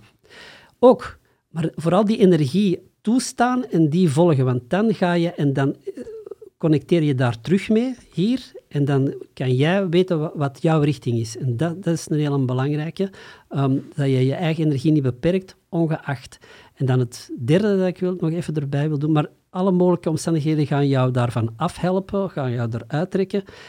En het derde dat er gebeurt is, hoe meer dat je gewoontes aanneemt, aanneemt die ervoor zorgen dat je van dat pad van, die, van jouw uh, drive afgaan, hoe meer dat dat ingesleten wordt in, in jouw mentale, emotionele, fysieke lichaam. En hoe meer dat het een, een, een uh, het wordt soms ook, ook genoemd, een, een hypnotisch ritme wordt waar je niet meer uit, uit geraakt. Mhm. Of heel moeilijk uitgeraakt. Dus dat, zijn, dat is ook iets waar je kan beginnen opletten van als je voelt dat je in een bepaald patroon zit dat je niet wilt, begin het stapvoets te veranderen, begin het stilaan te veranderen veroordeel jezelf niet als het niet helemaal gaat of dat er een terugval is, maar doe het geleidelijk aan, maar blijf dat voor ogen houden wat dat jij, ongeacht wie of wat zegt, wilt doen. En dat vind ik ook altijd fijn om te horen, dat jij degene bent die jouw eigen realiteit bepaalt. Uh, tuurlijk kunnen mensen je tips geven, je kan gesprekken hebben, kijken wat je daaruit oppikt, wat voor frequentie er van binnenuit ontstaat voor jou. Dat mm. heb je met één persoon meer dan de ander en uh, ligt ook weer aan de tijdsgeest en alles. Maar als ik op dat er ook terugkom, is het eigenlijk gewoon een negatieve placebo-effect voor, volgens jou. Ja. ja het placebo-effect bestaat. Dat is iets wat. Uh... Dat is heel reëel. Ja. Dus een placebo-effect is, is heel reëel. Waarom? Omdat dat, dat is hetgeen dat jij denkt, hetgeen dat jij, dat jij voor waar aanneemt, dat kan gebeuren. Ja. Ik, ik, heb, nog even daarop, ik heb zowel mensen die te horen krijgen dat ze kanker hebben, en waarbij dat de dokter zegt van binnen zes maanden is het gedaan, en effectief bijna op de dag zelf, binnen zes maanden overlijden ze. En ik ken mensen die tegen wie dat wordt gezegd van je hebt kanker, je hebt nog zes maanden te gaan, die niet in het drama stappen, want het gaat niet, niet vanuit het persoonlijke zelf, maar die vanuit het originele zelf zeggen van um, ik ben het er niet mee eens ik ga niet mee in dat drama, dat is jouw mening, ik trek mij daar niks van aan. Ik, wat het leven mij zo gezegd toewerpt, ik aanvaard dat niet energetisch en ik ga mijn eigen weg. En na 30 jaar leven die nog altijd. Mhm. Er zijn dus- voorbeelden inderdaad. Dus uh, dat, En daarover gaat, hoe laat jij het binnenkomen, wat doe jij ermee? Mm En dan kan je alles. Ik heb vaak gehad dat uh, uh, mensen iets wat niet eens zo dramatisch hoeft te zijn, heel dramatisch aan me vertellen. Dat heb ik vooral met leraren gehad, de leraren van mijn zoontje en zo. En uh, ik denk van, waarom zet je zo'n dramatische trilling achter mm. iets wat nergens over gaat? Mm. En ik heb dan echt het idee dat die argontische krachten via andere mensen mij in een drama mm. proberen. En dat gebeurt dagelijks bijna. Ja. Niet, ik, ik ben er echt mee aan het worstelen. Ja. En je, je wordt er, als we al een les hebben zeg maar, in dit leven, is dat wel de les hoe je daarmee moet Ja. eh, omgaan. En nog eh, even over dat roken, waarom ik het wel eh, zo van je aanneem wat je zegt. En het gaat er niet om dat jij het zegt, wat ik erbij voel. Hoe lang zijn wij wel niet eh, bang gemaakt voor marihuana en wiet? Ook. Hoe vaak hebben ze niet tegen me gezegd: stop daarmee, je redt 40 jaar niet, 30 jaar niet, junk. Dit. Nee, dat, dat hebben ze niet. Dat, weet je, dat was, maar het, laat ik het zo zeggen: in, in Joegoslavië, Bosnië is heroïne, wiet tot voor kort gewoon eh, Hm. Naald of eh, jointje roken, dat, mensen kennen, kennen het verschil niet. Nou, in Nederland is het wat vrijer geweest. Maar toch ook diezelfde leraren ons, hebben ons zo bang gemaakt voor wiet. En nu, nu eh, schijnt het, eh, hoorde ik laatst van een chirurg, 50 soorten kanker te genezen. Hm. Van een chirurg hoorde ik. Ja. En een elite chirurg. Ja.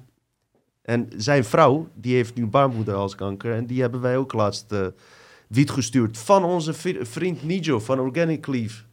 Hier Nijo, kreeg je nog een reclame. Dankjewel voor de flesjes nog. Dus ehm, waarom zou dat met roken ook niet zo zijn, weet je wel? Nee, klopt. Ik kan het zo aannemen. Ik weet het niet. En ik wil het ook zeker niet goed praten omdat ik zelf rook. Nadeel van roken is wel dat je stinkt. Eh, dus eh, misschien dat anderen je kunnen vinden stinken. Maar dat is ook als je een ruft laat. Maar, maar, maar ook, ook dat is ook perceptie. Hè. V- 40 jaar geleden rookte iedereen, of 30 jaar geleden, Ja. en, en niemand kloeg. Dat, En, en, en, en dan nog iets. Hè. Steek ik een sigaret op, staan mensen 10 meter van me af, beginnen met hoesten. Dan zijn hun longen toch niet goed? ik heb nergens last van. Ja. Dus weet je, Rolf, super bedankt. Eh, had je nog een actie voor onze kijkers? Ah ja, ehm, ja uiteraard. Ja, eh, we, doen, we doen zowel, we geven tweedaagse programma's als de weekprogramma's. Eh, de, di- dit jaar niet meer, maar volgend jaar doen we in februari, maart sowieso nog een online remote viewing. We doen ook eh, de Gateway, is ook op komst. Dat is een weekprogramma. En dan ehm, hebben we nog in april excursion works- eh, eh, workshop, twee dagen. En ook een manifestatieworkshop doen we ook. Nu, je kan dat allemaal vinden op de website. Als je erbij schrijft in de, in de ehm, eh, optie van, van verkorting, als je daar Dutch Matrix schrijft, dan krijg je sowieso eh, een korting op, op, afhankelijk van, van, van het programma, Ja, een bepaald bedrag. helemaal top. En eh, op welke site was het? Eh, Focus34.com. Helemaal top. Wat ik jullie ook zeker aanraad als je iets over Bob Monroe wil weten. Op YouTube staan een paar interessante video's. Wij hebben hier nog twee afleveringen opgenomen waar we daar wat dieper op ingingen. En wat ik heb ontdekt, op Spotify staan die oefeningen ook, toch? Sommige. Ja, Eh, kijk op Spotify, wat moeten ze dan intypen? ik zou Hemi Sync... eh, Hemi Sync. Ik heb, eh, dan kan je een beetje een idee krijgen wat, wat je kan verwachten. Uiteraard doet Rolf dat veel uitgebreider, want ook met waarschijnlijk speciale koptelefoons, andere ruimtes. Het is een andere ervaring. Maar om een idee te krijgen, zou je dat is ook... eh, eh, Ja, is dat aan te raden? Weet je, dan kan je een beetje... Als je dan denkt van, ja, het is wat voor mij, kan je weer een stap verder gaan. Rolf, jij hebt dit onze programma ook wat eh, intellectueler gemaakt, omdat Belgische accent altijd wat eh, ja, intellectueler klinkt. Ook al zeggen ze wel ze Belgen zijn, dan absoluut niet. Ju- jullie praten iets ehm, slimmer Nederlands, eh, zou ik bijna zeggen. Jullie, jullie articuleren, eh, articuleren het beter, zeg maar. Dus eh, dat hadden wij net nodig in dit programma. Ik ben zelf een best wel slecht pratende allochtoon. En dus dit balanceert het weer super. Hartstikke bedankt voor je komst, man. Beste kijkers, de verwachting is dat we volgende week met Ersan en Simon een live aflevering gaan doen. Ik kan helaas ook weer niks beloven als er iets tussenkomt bij andere twee jongens. Maar ik zal dan proberen om, om in mijn eentje een aflevering te maken. Eh, het is af en toe vermoeiend. Mijn laatste aflevering over de Draco Reptilians en Andromeda perspectief, daar zat gewoon 40 uur werk in. Ik was gewoon doodop om een week later nog weer in mijn eentje te maken. Eh, dus we gaan proberen wekelijks te doen. Als het niet lukt, lukt het gewoon niet. En eh, dat wil ik even aan jullie doorgeven. Bedankt voor het kijken en eh, jullie zien ons gauw terug. Arrivederci.